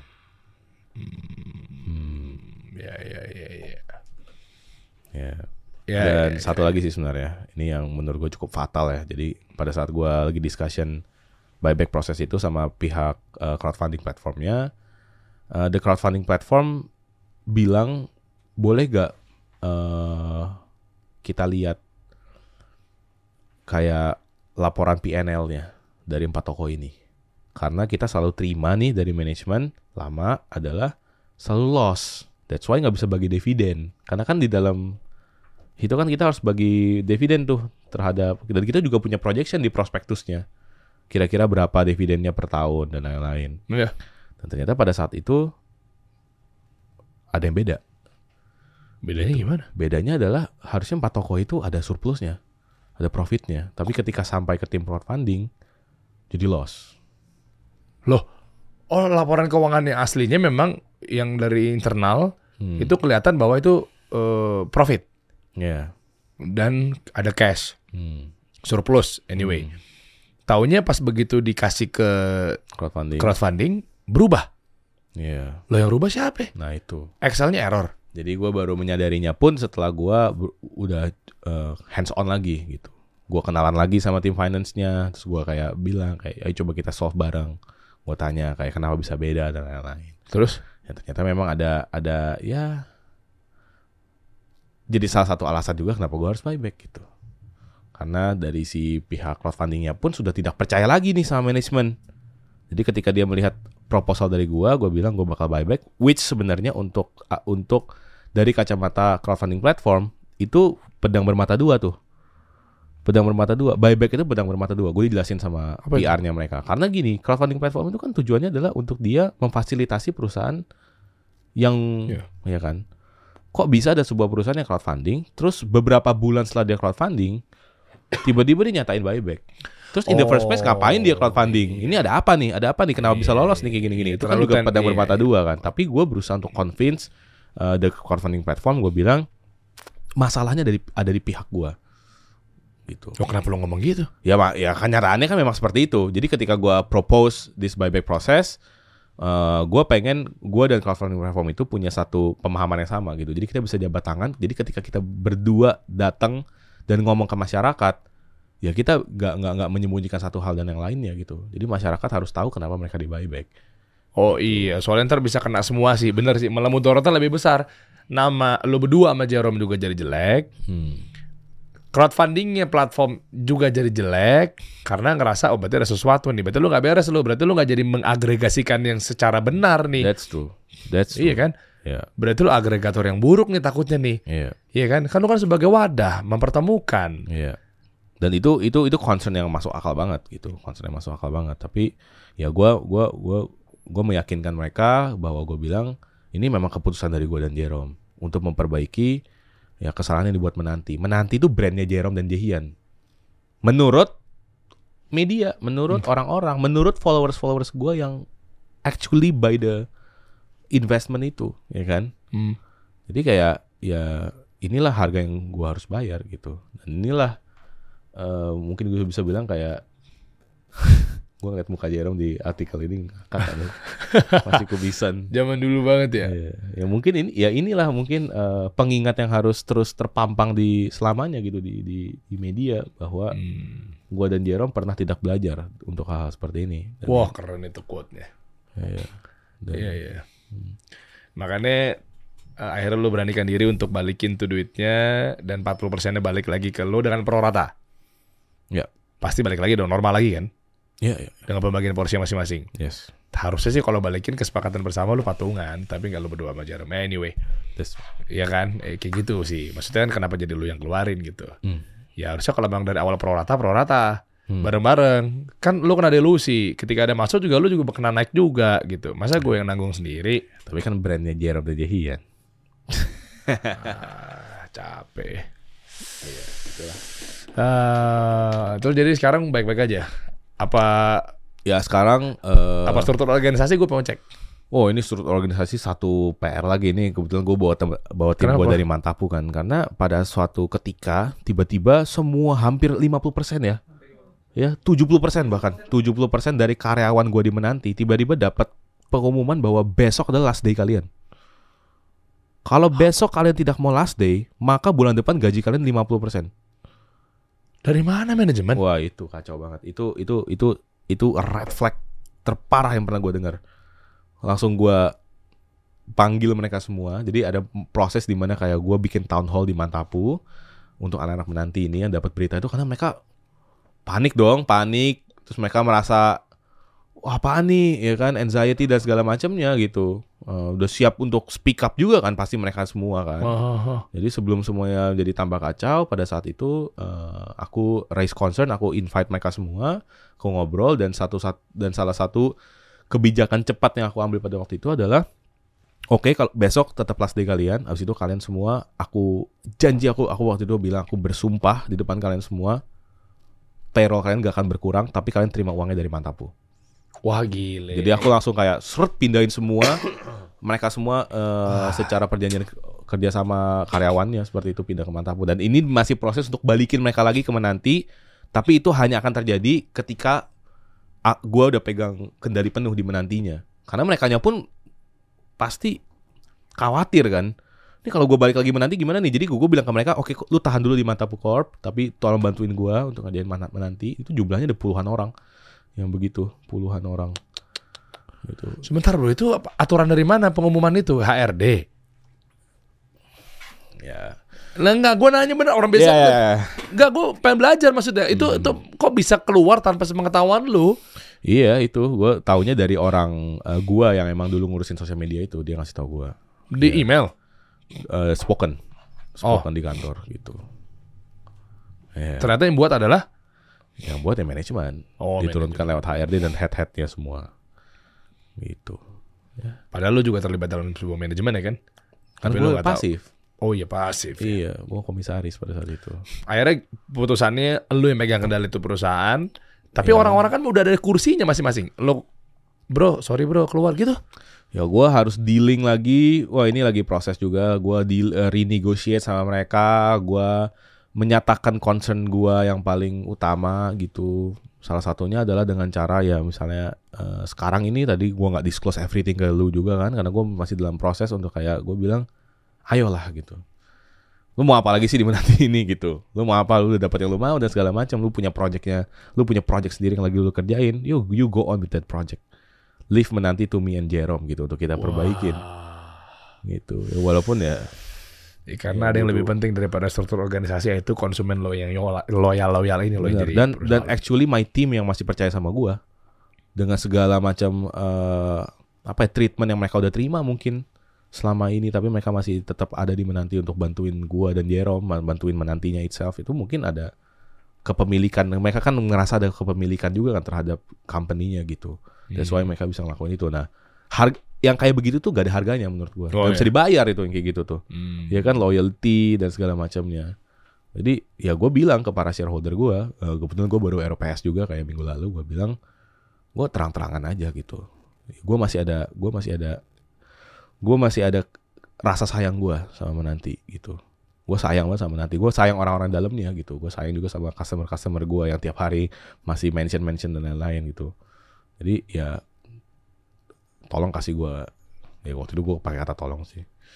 Tolong kasih gue ya kabulkanlah permohonan gue inilah. Itu dengan segala macam yang udah diperbuat di dalam sini segala macam ini nih. Jejak digital nggak mungkin bisa hilang ini tapi gue sama Jera masih mau kok kerjain menanti gitu.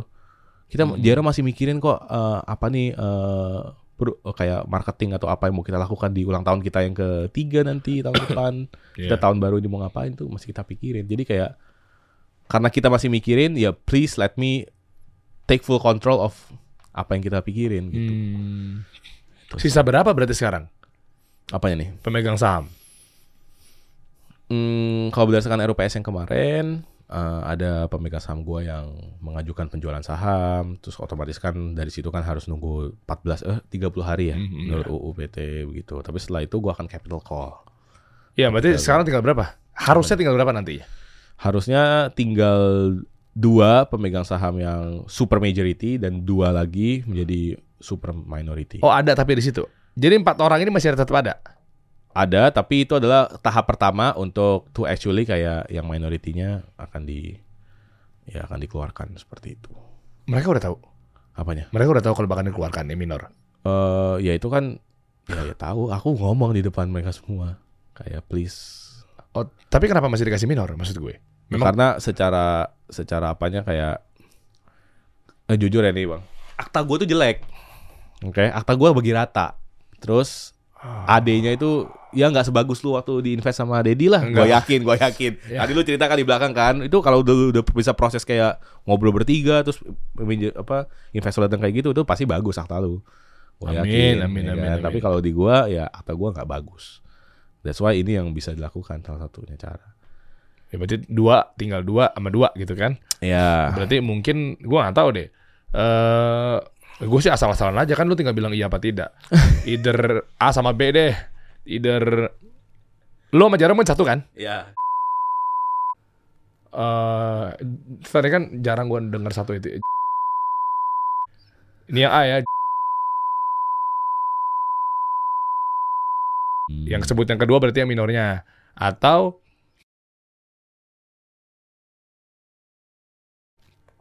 Eh kan gua nggak tahu, lu tinggal main puzzle aja. kombinatorik sih. Kombinasi, kombinasi. Oh iya, iya, iya kan pilih aja lah. Karena kan confidential jadi gua nggak mau gali lebih dalam lah. Siap bang, makasih banyak bang. Sudah menghargai confidentiality gue. Karena gue sebelum ke sini ya, gue sama tim gue nonton nih kan. Wih, ngeri ya. Bintang tamu lain kok bisa ke disclose semuanya. Gue kayak gue gue minta izin ke tim gue kan gimana nanti kalau si si abang ini marah gara-gara gue dikit-dikit sorry bang sorry bang Enggak lah, enggak lah.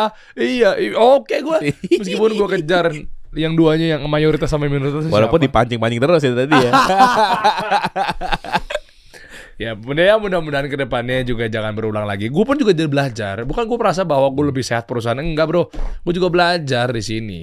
hmm. Ya kan? Siapa jadi benalunya, siapa yang jadi werewolfnya, siapa yang jadi kok ada yang ketawa banget di situ enggak oh gitu lah kan siapa yang jadi werewolfnya siapa yang jadi imposternya itu kan gue kan pelajarin lah Hmm. ya kan oh ternyata si ini si ini meskipun gue tahu oh ternyata susnya dia nih. Ah gitu kan. Dia- ya, tapi kan kita nggak boleh buka aibnya bro. Bener bang. Iya kan? Udahlah kalaupun dia minor juga bisnisnya udah banyak franchise di mana-mana bro. Oke. Apaan sih studio? Rame banget lo. Nonton lawak lo pada tawa-tawa belakang kamera lo nonton lenong lo. Orang kita lagi ngobrol kok. Iya kan? Ya mudah-mudahan ke depan. Jadi rencananya apa nih bro? Ke depannya? Ke Rencananya- Malaysia ngapain ke Malaysia? Nah, Lu naik pesawat ngapain? Gue mau baru mau jawab gini Masih beruntung gue masih bisa ngerencanain Karena kemarin gue hampir kecelakaan pesawat Tadi kan ditanya rencananya apa nih Iya, iya, iya, Gue hampir iya. gak bisa berencana bang Gile, gile. Wah aduh seru banget Eh, sih pas nih emang pembahasan terakhir kita bahas nih. Bahasa terakhir Kok ya? bisa-bisanya? Gue pikir tadi lu ke Malaysia cuma mau nambah cabang, Oh. pembaruan. Hmm. Taunya Eh bener tadi, bener juga ya. Hampir gue nggak bisa bikin rencana. Kenapa? Hampir gue gak bisa hadir di podcast lu bang Kayak itu gimana sih masalahnya? Gimana coba tuh Gimana sih? Coba deh, lu ada bukti-bukti nggak? Lu jangan sampai pencemaran nama baik. Enggak, enggak, enggak. Coba, Gua- gue pengennya di sini ada confidential dijaga ya. Siap. Coba, nama pesawatnya apa? Oh, confidential bukan ya? Confidence. Ya gue sebut aja Oh iya. Iya Karena Nah, oke. ini bukan gua doang penumpang ya Gimana? Ada puluhan orang Ya, di ya. sana dan Nggak, kronologinya gimana? Pesawat yang harusnya tidak layak terbang, jadi dipaksain terbang, akhirnya di tengah jalan puter balik gara-gara ada pengumuman di atas pesawat ini tidak layak terbang. Puter balik, mendarat. Gimana menurut pakar perpesawatan? Anjir Lalu kan di situ Bener juga teman-teman gue pada ngakak di grup. Udah dia lo kasih tahu aja kasih tahu. Gue dalam hati kayak eh gue sekarang kerja apa weh? gue udah nggak aerospace lagi. Coba coba buktinya mana buktinya? Oke jadi intinya Iya, ya. ya sama jelasin deh. Gimana sama sih? tim gue kemarin bertiga ke, Singa- ke Malaysia. Heeh. Kita ada event buat ketemu salah satu sutradara lah. Oke. Buat buat film yang bakal tayang di tanggal 21 Oke. Nah, cuma gue nggak tahu nih. Eh 20 ya? 20. Oh du, di di, Ma- di Malaysianya 21. Film apa sih? Eh, Film Aquaman, lu? Aquaman, Aquaman. Aquaman. Aquaman 2. Aquaman tuh yang gondrong itu bukan sih? Iya ya Jason Momoa. Nah, gua ketemu Iya, sama iya. sutradaranya di Malaysia. Kan dia emang born di Malaysia kan. Jadi yang kayak megang ada pedang biru kan? Trident ya. Iya iya iya itu Nah. tahu tuh. Terus terus Aduh, ntar gua gua buka dulu ya nih. Gua siapin bukti-buktinya, Bang. gua nggak percaya tanpa ada bukti. Lu pencembaran nama baik Tapi gini, apa? bisa jadi pas video ini tayang penumpang lainnya udah pada speak up, bisa jadi loh. Ya gua tanya besok. Oh, tanya bener juga. Gue gua media gua. Gua ambil momen enak aja gua kelewatan momen. bentar, bentar. Iya Denny Sumargo gue skip dulu Gue tadi sebelum syuting sama dia Gue syuting sama Denny Dia juga tadi ketemu Denny tuh Di taman gue tuh Iya. Iya Gue speak Gue mundurin dulu Denny Enggak. Jadi gua kan gua naik Oke tiga hari gua, dua malam, dua malam. Ah ini Dua Hmm. malam di sana malam Balik sana. dong ke Indonesia Hmm. Karena Karena gua harus kerja. Salah satunya gua harus ketemu lu kan hari ini. Iya. Jadi gak bisa lama. Ini baru kemarin gua nyampe. Jadi makanya gue bilang kalau gua kecelakaan beneran, hari ini gua gak Nah ke sini. itu bila ya kalau nggak gue ngobrol sama mayat paling pilihannya kan Dan itu gua bilang di story gua juga. Nggak mungkin kan gue ngobrol sama mayat Waktu gue di IG story gue ngomong gitu Semua orang kayak Bang gak boleh ngomong gitu bang Tapi gue di pesawat ya gimana ini Kalau beneran kecelakaan ya Gue bilang dulu lah di IG story gitu. Jadi Oke lah gue naik eh Sedangkan mereka naik pesawat lain. Mereka berdua Ih, curang banget lo berdua lo. Egois dasar lo berdua. Ninggalin dia mentang-mentang Yang satu namanya brandnya kuat Satu lagi nggak kuat nama brandnya. Gak boleh itu bahasan yang lain itu. Eh, enggak, enggak, enggak, enggak, kalau gue nggak tahu kan manusia bebas pendapat. Menurut Oh, gue brandnya gue, gue nggak tahu. Oke. Aduh gue harus ceritain lengkap ya? Dia lengkap deh lengkap deh. Nah, soalnya gini bro, kalau lu setengah-setengah, disangka aja lu pencemaran nama baik. Oke Ayo oke lu.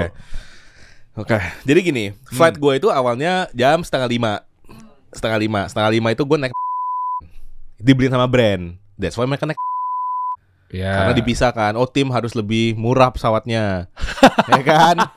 Kalau yang eh, ini beneran, tapi kayak riders gue itu tidak mengikat yang kayak harus bisnis kelas. Jadi gue ekonomi kelas.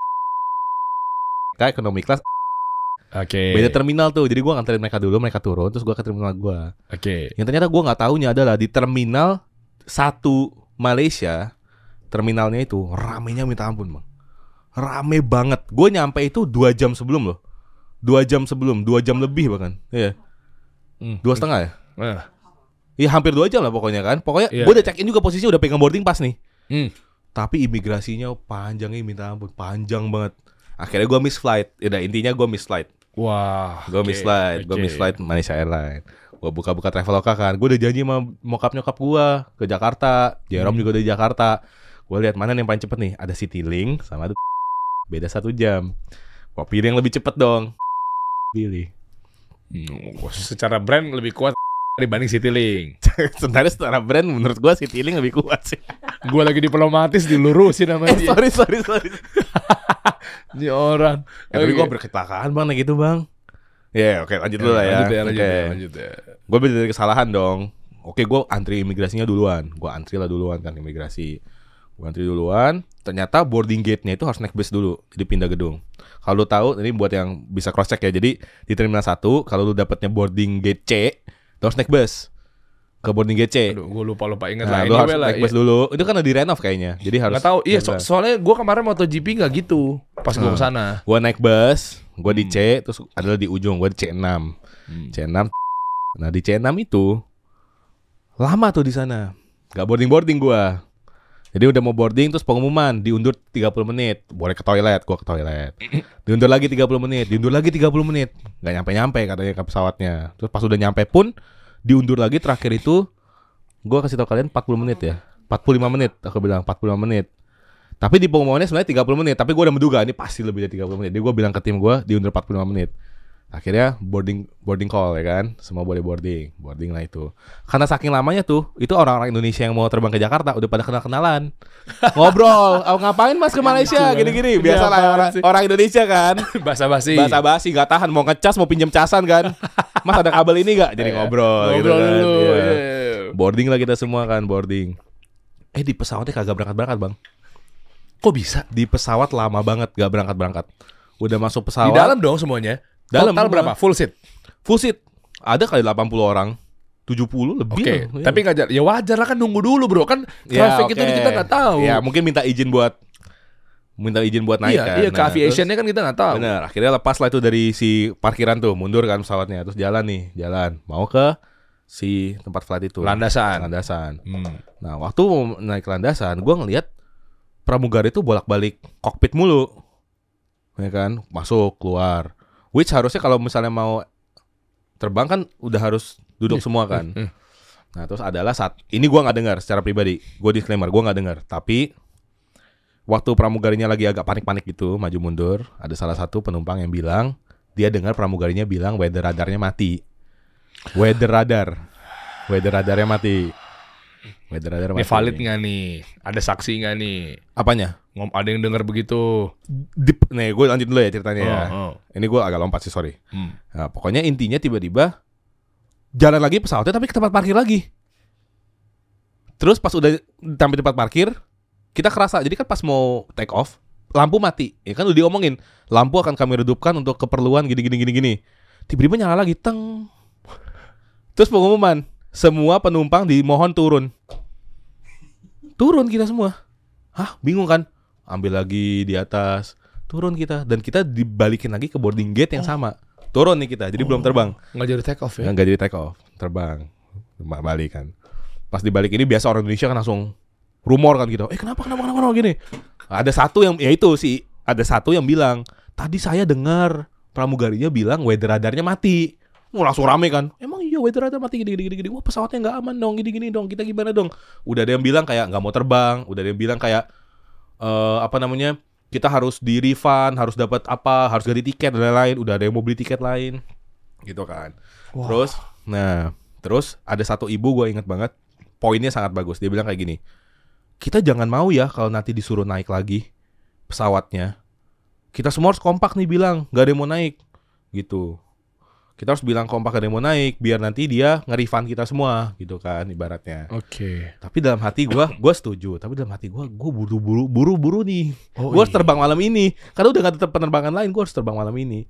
Jadi akhirnya nunggu, terus kita nanya-nanya kan, terus si orang bandaranya bilang "Eh, tolong wait 30 menit ya nanti bakal ada announcement dan lain-lain. Akhirnya kita tunggu 30 menit, adalah announcement. Kayak salah satu petugasnya turun, terus teriak gitu kita pakai mic gitu. Eh, tolong masuk ke pesawat sekarang. Wah, itu Oh, langsung pesawat bisa berangkat. pesawat bisa berangkat. Langsung ada bapak-bapak yang bilang kayak, saya nggak mau naik gitu. Tadi pesawatnya bermasalah kan, gini gini gini gini kan. Terus kayak, oh petugasnya diem gitu, nggak ngerti mau ngapain. Terus tiba-tiba ada pengumuman kayak tong teng teng teng. Kayak, eh mohon maaf, tadi pesawatnya mengalami sedikit gangguan. Terus dia diem. Terus pas dia nggak tahu mau ngomong gangguan apa, semua orang kayak, weh ngomong apa, ngomong apa gitu. Wah. Ayo masalahnya apa, masalahnya apa gitu. Terus dia nyebut weather radar, arti bener. Ah. Nah, dia nyebut weather radar tuh di pengumuman announcement itu. Iya, menurut saksi ada yang denger katanya tentang Saksi kan juga bener. Oh, artinya Ya. bener nih weather radar. Gua langsung kan gua ada kenalan sama orang kan.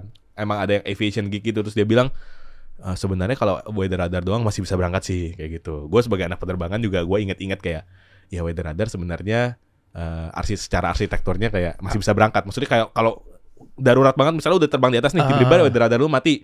Itu lu masih bisa sampai selamat sampai tujuan. Coba, ini, ini, ini sorry gue potong ya guys ya Hmm. lagi cerita seru-seru nih. Eh bentar, gue butuh edukasi. Weather radar tuh apa sih fungsinya?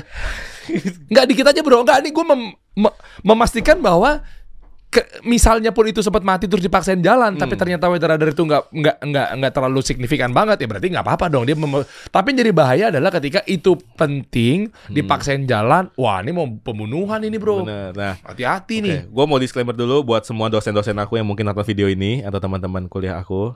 Correct me if I'm wrong. Tapi ada beberapa cases di mana pesawat udah terbang di atas nih, bang. Mesin mati satu.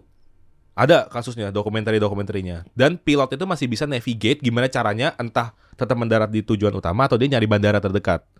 Jadi pesawat itu udah didesain sedemikian rupa, sebenarnya safety factor itu tinggi banget, Bang. Oh. Safety factor itu tinggi sekali, makanya tidak ti- kecelakaan pesawat itu tidak terjadi setiap hari.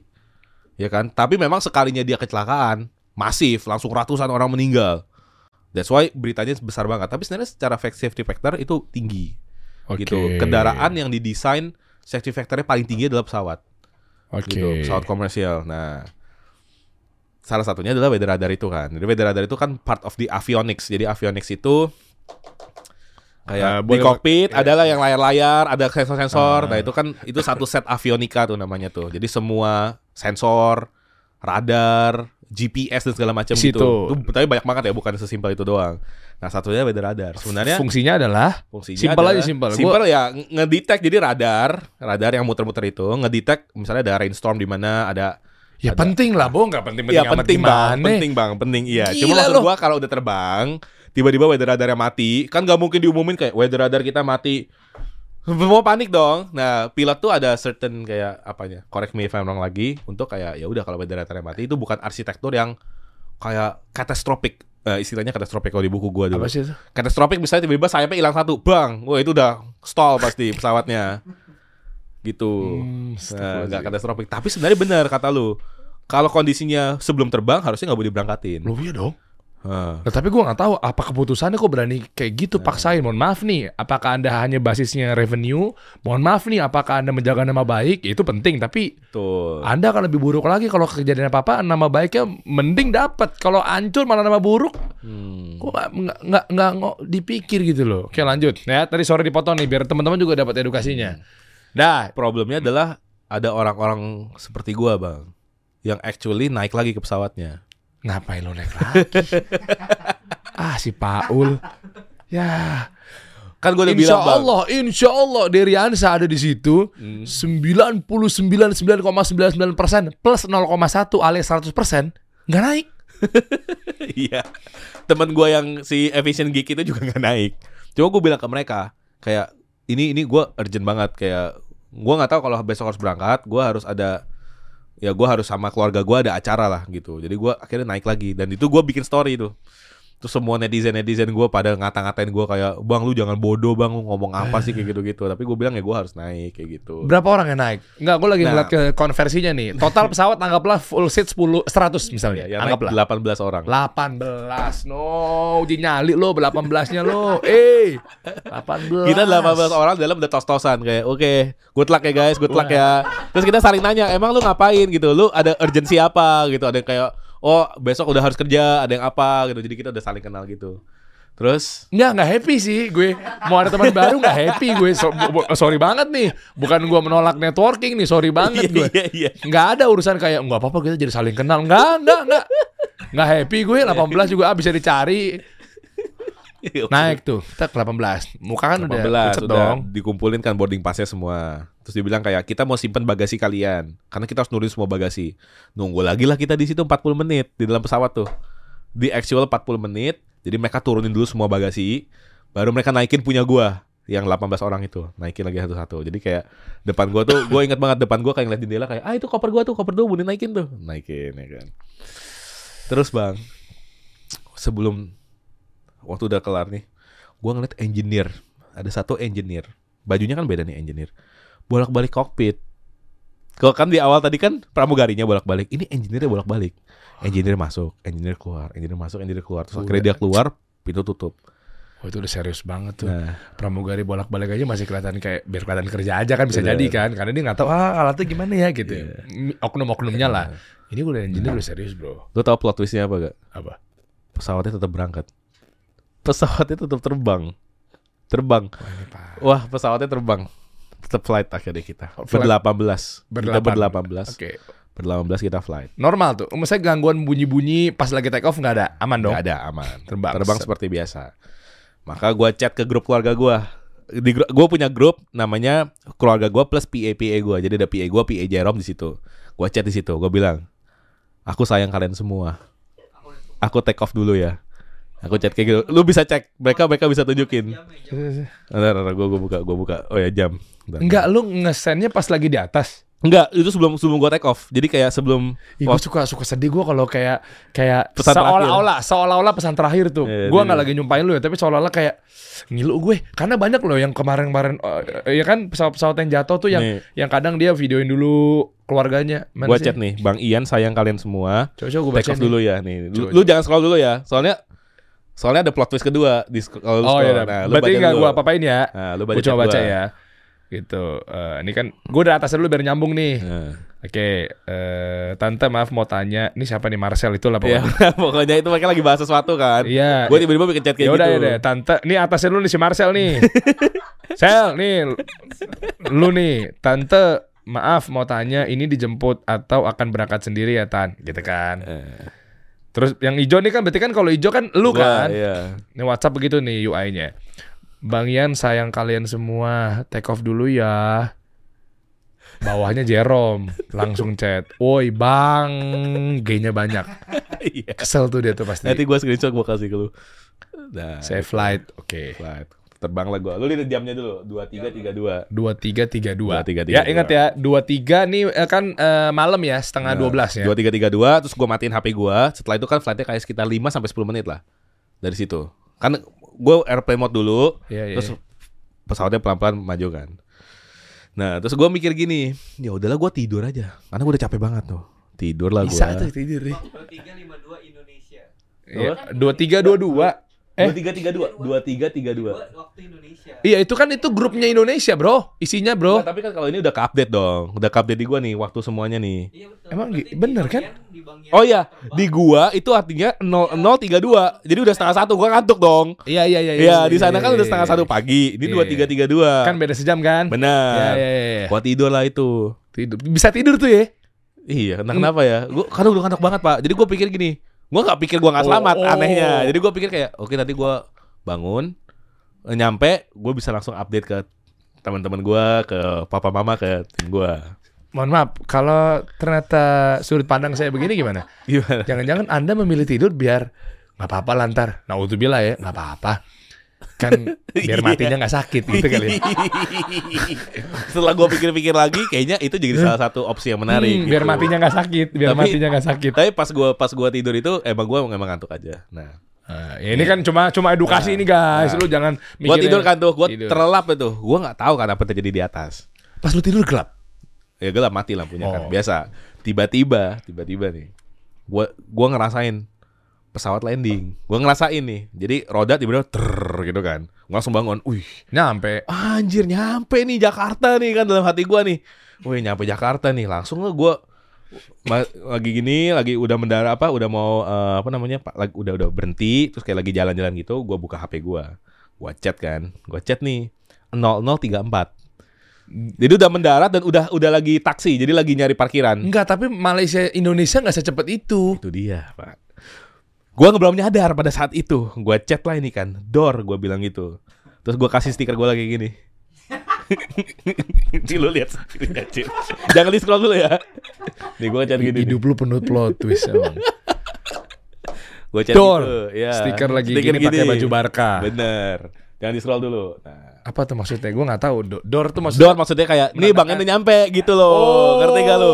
Soalnya kan gua pasti nyokap gua nggak bisa tidur kan. Iya iya iya. iya, Gua iya. ngabarin, Pak Bang Ente nyampe. Eh, eh, eh, Iya. Kalian semua ternyata aku sampai. Iya kayak gitu. Gue udah siap tuh ngupdate ke follower-follower gue juga kan. Wih, Ya kan? kan? Iya, iya. Hmm. Terus barulah setelah itu gue ngelihat jamnya. Gue ngeliat jamnya. Kayak eh gak mungkin dong flightnya cuma 50 menit. Enggak, enggak Gak lagi lah lu. mungkin kan. Itu aja paling itu dari Solo ke Jakarta itu. Makanya gue pikir kan. Terus itu gue kalau tahu iPhone kan bisa diginiin nih action center nih. Iya iya. Komen apa control center. Gue lihat kan di sini kan ada ini kan Excel Asiata ya. Iya. Pas di sana Selcom tulisannya. Oh, provider Gua lihat. Malaysia. Lah, HP gue masih roaming. Kaget kan gue. Eh, HP gue masih roaming. Langsung gue exit. Gue buka Google Map. Langsung gue buka Google Map. Di situ gue pencet yang ini nih yang kayak apa? Ya, Di iya, mana lu? location. Iya iya. Pas gue lihat shock banget gue tulisannya KLIA 1 Malaysia. Wah. Gue masih di bandara, coy. Kuala Lumpur International Airport. Gue masih di bandara. Gue langsung diri. Kan sudah ada ber-18 tuh. Langsung gue tanya ke yang paling depan gitu. Jadi kita ini lucunya ya. Pas 18 itu karena full apa karena luas. Jadi kita masing-masing milih yang kayak sendiri-sendiri Oh, gitu kan. Asik. Gue duduk Iya. kanan kiri kosong nih kan enak kan. Makanya gue tidur. Gue tanya, "Are we back in Malaysia?" Gue bilang gitu. Terus semua pada kayak noleh aku terus bilang kayak, Eh, terus "Yes." Don't you hear the pilot tadi teriak apa tadi ngomong Ah, terus kita semua udah ah. panik. Terus gue bilang, "No, I was sleeping." Aku bilang kayak gitu. Gue tidur. Rupanya, rupanya di tengah-tengah perjalanan Ah. pilotnya bilang, Eh, pesawat mengalami technical issues. Kita harus putar balik ke Malaysia lagi. Oh, Dan pesawat ini eh. udah nggak boleh dipakai terbang. Oh lu nggak tahu karena lagi tidur. lagi tidur dan di saat gua tidur itu semua orang 18 itu panik semua. Lu bayangin jadi mereka tiba-tiba gila. pilotnya bilang kayak ini pesawatnya masalah, kita harus balik ke Malaysia tapi gua nggak tahu nih bakal nyampe beneran Malaysia apa enggak. Jadi mereka panik banget kayak "Wah, harus gimana harus gimana gitu. Tapi gua tiduran di belakang sampai sampai landing. Gila ini. Jadi pas udah landing, Dia- eh. pas udah landing semuanya pada lega, makanya diem. Udah lega kan, oh udah balik Malaysia lagi. Tapi gua kayak, weh Jakarta nih. Gila, roaming sendiri. He, enggak cuma handphone lo doang roaming ya. Otak lu juga, juga roaming. roaming. Otak lu juga roaming. Aduh. Wah gile. Wah gila sih itu. Akhirnya lu nanya. lu Nanya nanya gua. ada apa dijabarin semuanya. Enggak, itu kita langsung suruh keluar. dibalikin lagi ke boarding gate yang sama pak jadi bisa dibilang gue di boarding gate itu udah tiga kali tuh kayak udah nyampe Malaysia lagi gue hari itu Gile. balik lagi ke situ tapi semua orang yang nggak jalan itu udah keluar jadi udah nggak ada Oh, naik apa? nah ini. Wah, kesel banget ini sih menurut kalau gue ini menurut gue yang patut untuk dikritiki dikritik. Apaan? kan gue balik ke boarding gate yang sama. Eh. sama kayak 80 orang yang lain itu kan. Udah nggak ada nih. Jadi boarding gate kosong sisa gue ber-18 nah kalau ber-18 Gila. protes-protes dong. Tapi protesnya beda. Bukan protes karena karena kayak Membahayakan. membahayakan. Tapi protesnya adalah kenapa balik ke Malaysia lagi? Kan kita udah bertaruh nih. Karena kita Iya. butuh nyampe Indonesia cepet iya. jadi kayak pada protesnya kayak lu gimana nih? Gue butuh malam ini pokoknya gini gini gini gini. Gue nggak bisa ganti plan. Terus akhirnya kayak ada satu perwakilan ngomong minta maaf pesawat ini udah nggak layak terbang udah nggak bisa dipakai lagi. Jadi sekarang kita akan antar kalian ke hotel terus besok kita akan ganti flight kalian jam 10 pagi dengan pesawat yang baru kita berangkatin dari Jakarta. Namanya juga. juga. Juga itu semua orang langsung kayak nggak nggak kita nggak mau terbang pakai lagi. Wah. gitu gitu Terus kayak udah pada bail out satu persatu tuh. Jadi ada orang Malaysia bilang kayak kita nginep di mana? Terus eh, dikasih tahu nama hotel. Terus si orang Malaysia bilang itu jauh itu jauh sekali gitu katanya. Itu so far away. Itu naik bus aja bisa 30 40 menit. Kayak gitu. Terus akhirnya dia bail out, dia pergi. Mungkin dia balik ke rumahnya. Terus kayak orang Indonesia lain ada yang udah beli tiket lain, bail out, bail out, bail out gitu kan. Loh, yang lainnya ke mana? Yang mana nih?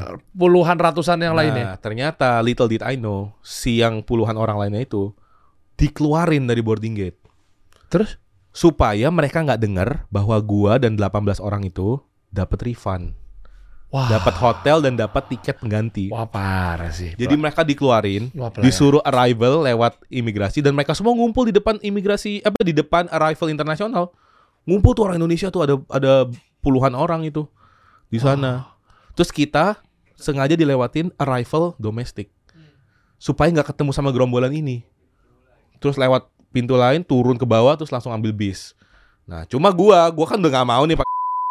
Gua chat ke tim gua, gua bilang gua bakal beli tiket sendiri. Akhirnya gua pakai Garuda Miles gua, gua beli tiket Garuda.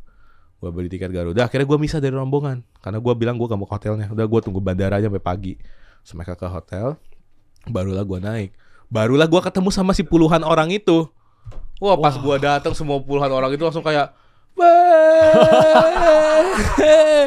Influ kan beberapa tahu gua kan influencer kita dateng. Wah, gila. ketemu lagi gitu wah itu tadi kalau pesawatnya salah belok dikit tuh udah ke alam bakal Oh, gila, gila. waduh rupanya mereka semua ngeliatin flight radar Ah, nah which gua bakal share flight radarnya nih supaya lu Wah, percaya ini- nih Coba sambil nunggu. Ini pelayanannya parah sih kalau sampai dia sampai diputar-putar biar nggak kelihatan lu refund lah apa segala macam.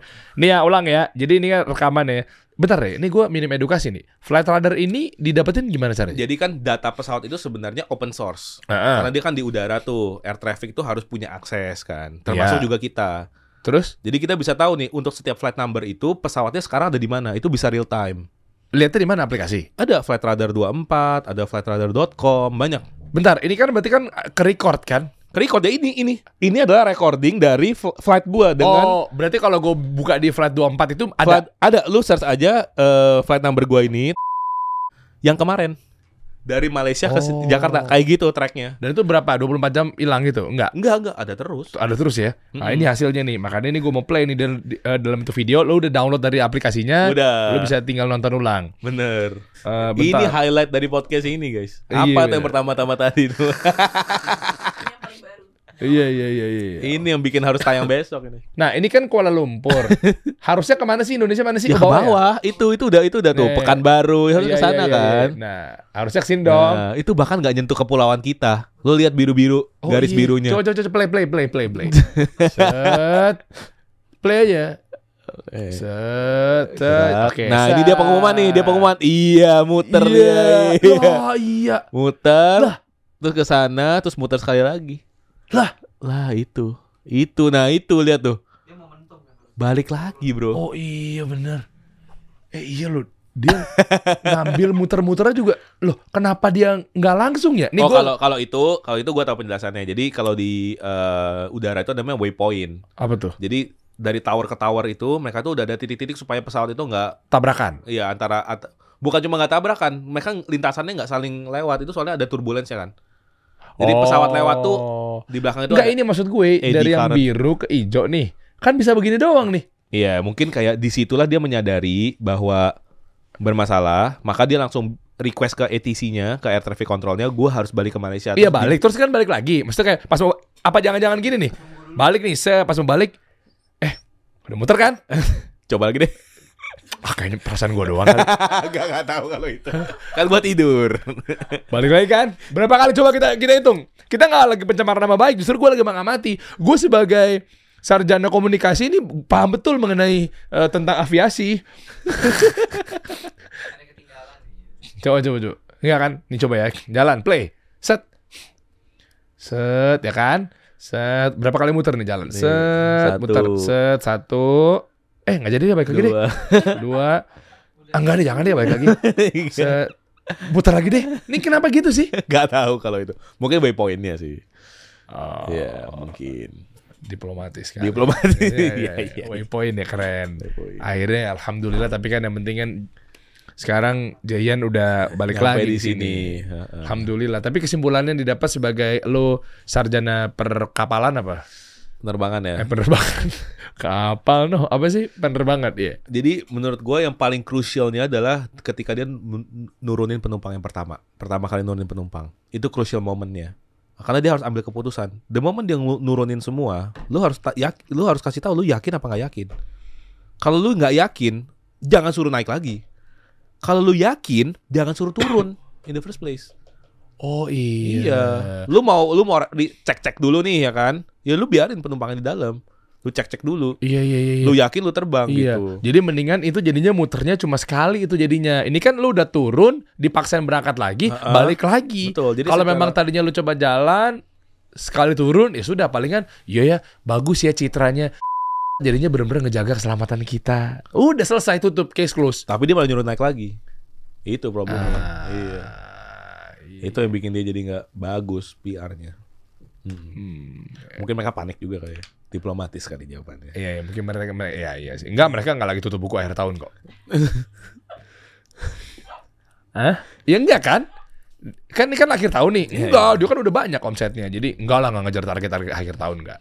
Makanya dia mau menangkatan gara-gara dia tahu di dalamnya ada seorang eh, influencer Enggak, enggak ada, enggak ada itu, itu enggak ada. itu. Hah? sangat berlebihan ya Iya. diplomatisnya ya. Karena untuk Mereka aja kaget mungkin nanti pas podcast ini keluar. Ternyata ada dia dalam pesawat yang kemarin bermasalah. Iya. Karena gue tadi ngelihat eh, per hari ini di syuting ya, gue menyadari kayak di sana kan banyaknya yang kayak orang-orang tua semua. Mereka pasti nggak mungkin speak up dong. Mereka speak upnya di bandara, teriak-teriak, iya. Tapi itu kan mudah di shutdown, iya. tinggal hilang. Enggak, iya, iya, gitu. iya. Tadi gue cek di TikTok belum ada yang ngomongin tentang kejadian ini. Padahal sebenarnya menurut gue ini cukup berbahaya. Oh iya iya, bukan gini ini nih ya, nih maaf ya, eh, saya harus ngomong nih gini. Eh, anda jangan merasa bahwa kayaknya apaan sih kok jadi diomongin gini kan kita juga nggak tahu. Betul, justru ini kita sayang sama meskipun diplomatis ya, tapi maksud gua kita sayang sama kalian loh. Nggak gini loh, buat apa? Kita harus klarifikasi. Jangan-jangan selama ini nggak tahu yang turun tuh taunya udah cap buruk anda. Hmm. Nggak jelas nih selesai. Tapi kan siapa tahu ada yang bisa dipetik di sini. Oh iya ternyata benar-benar tanggung jawab dia balik lagi. Hmm. Ya, terlepas dari sisanya lu dibully kan bukan urusan gue. Enggak tapi intinya adalah gini bro. Ya biar gimana pun kan ternyata kan alhamdulillah semua juga selamat dan sudah menjalani porsinya. Sekarang lu bisa di sini kan. Betul. Itu intinya kan. Itu intinya. Jadi ke depannya ya pandai-pandai melihat situasi, pelajaran yang didapat. Dan sekarang gue punya cerita lucu. Apa tuh? Ini. Iya. Buat gue share di webinar lumayan nih. Iya benar. Iya. Sharing-sharing ya. Tapi berarti jawaban dari di grup apa terakhir tuh? Apa tuh? Kan lu udah laporan kan Oh, pasti kan? pa- pas oh pas di grup itu kan terus gue bilang gini abis yang gue kasih stiker itu gue bilang hah ini bang Ian mendarat lagi di Malaysia Jero langsung nelfon gue hah gimana bang gimana bang terus dia ngupload di storynya dia beneran nyampe Malaysia gitu Eh, kasian nyokap gue sih tapi nyokap gue nggak bisa tidur kasian lu. iya Ter- Mama. ternyata akhir tahun ini eh, dia mengalami dua tentang satu perusahaannya, satu lagi penerbangannya, nyawanya sih itu nyawanya. bener Dan ternyata kesimpulannya ya udah kita lihat mana yang nantinya akan betul-betul menyelesaikan lebih cepat masalahnya gitu. Ya kita doakan lah. Mudah-mudahan wah gue bingung nih yang barusan bisa banget lo punchline-nya lo ya kan? iya iya iya. Ya, ya mudah-mudahan ya antar perusahaannya baik, nyawanya juga selamat. Itu aja. Tapi terkadang nggak cuma perusahaan atau mungkin eh sorry, nggak cuma pesawat yang bikin kita nyawa deg-degan ya. Partner bisnis juga kadang juga bikin deg-degan ya. Iya kan? Iya. Kadang begitu. Karena ujung-ujungnya tentang nyawa juga, bro. Kalau partner nusuk dari belakang dia nggak bertanggung jawab. Bahkan berapa nyawa tuh yang harus dijaga tuh karyawan-karyawan main asal pecat kan nggak bisa sembarangan, bro. Hmm. Iya kan? Ini baru 18 orang. Pegawai lu berapa? Iya, puluhan sih Lebih dari 20. yang dibegituin Eh, lebih tuh, 18, 20. Berarti jangan dia lebih parah dibanding. Ya gue kan gue kan kuantitatif aja, lihat yang paling banyak yang mana. aman bang Jadi ke depannya terakhir mau ngapain bro? Dari sini lihat dari pelajaran dari segala macamnya bisnis perusahaan 2024 target menanti mau ngapain? Ini udahlah tadi udah kita lupakan saja. Sekarang gue pengen tahu ada target yang lebih serius lagi. oke um, rencananya we are on the process of kita mau uh, ada gebrakan lah. Wow. Ya, secara secara produknya kita mau revamp gitu. Jadi kayak ya kembali lagi ke core-nya. Kalau dulu kan mungkin aku sama Jerome se- udah la- terlalu lama meninggalkan. Jadi kita mau uh, in a way rebranding in a way, tapi sampai sejauh apa batasannya itu masih kita brainstorm. Dan kita bakal ngerayain ulang tahun yang ketiga. It's such a milestone juga di April 2024. Jadi harapannya sih itu masih menghidupkan apa ya api perjuangan lah dalam tanda kutip ya bahasa Iya. klisenya gitu dalam gimana kita berbisnis, gimana kita ngasuh anak kita dalam tanda kutip di bisnis ini. Gitu itu kalau di Menanti. Tapi kalau di Mantapu, a lot of projects. eh salah satunya adalah gue bakal for the first time in forever mengalami eh, farewell sama talent gue.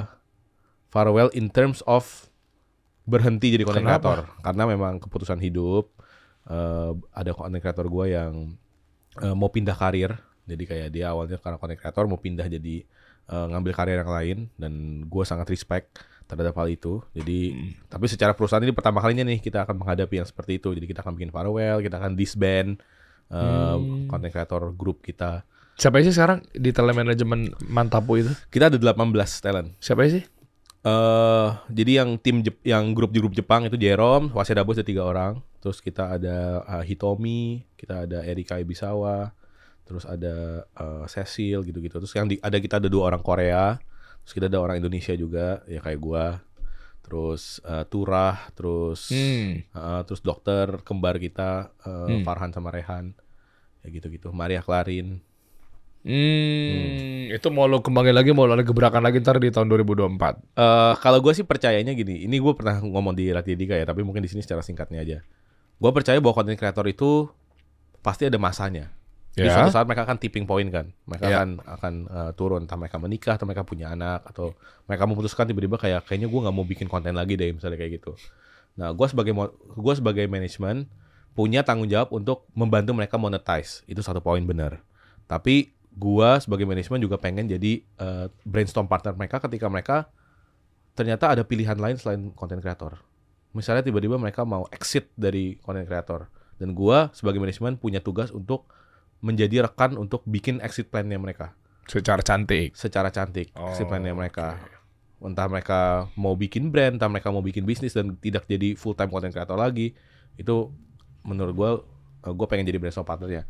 Which sebenarnya ada orang yang eh, stylenya itu malah sebaliknya. Kalau udah nggak bisa dimonetize maksimal mungkin ya udah keluar aja dari manajemen kita. Ya itu ada, kan ada kontraknya juga tapi kan. Benar. Nah, kalau gua gua pengennya adalah ya lu pengen berubah branding, lu pengen coba hal lain, coba kita discuss dulu. Iya. Kalau emang sampai udah ujungnya nggak bisa satu jalan, baru kita pisah seperti itu. Waduh, gila ya. Berarti Hmm. tantangan luar biasa ya. Nggak bisa sama partner bisnis, nggak bisa sama talent talent talent lu semua, luar biasa ya. Bang. Disambungin terus lo ke sana. Kita kasih solusi.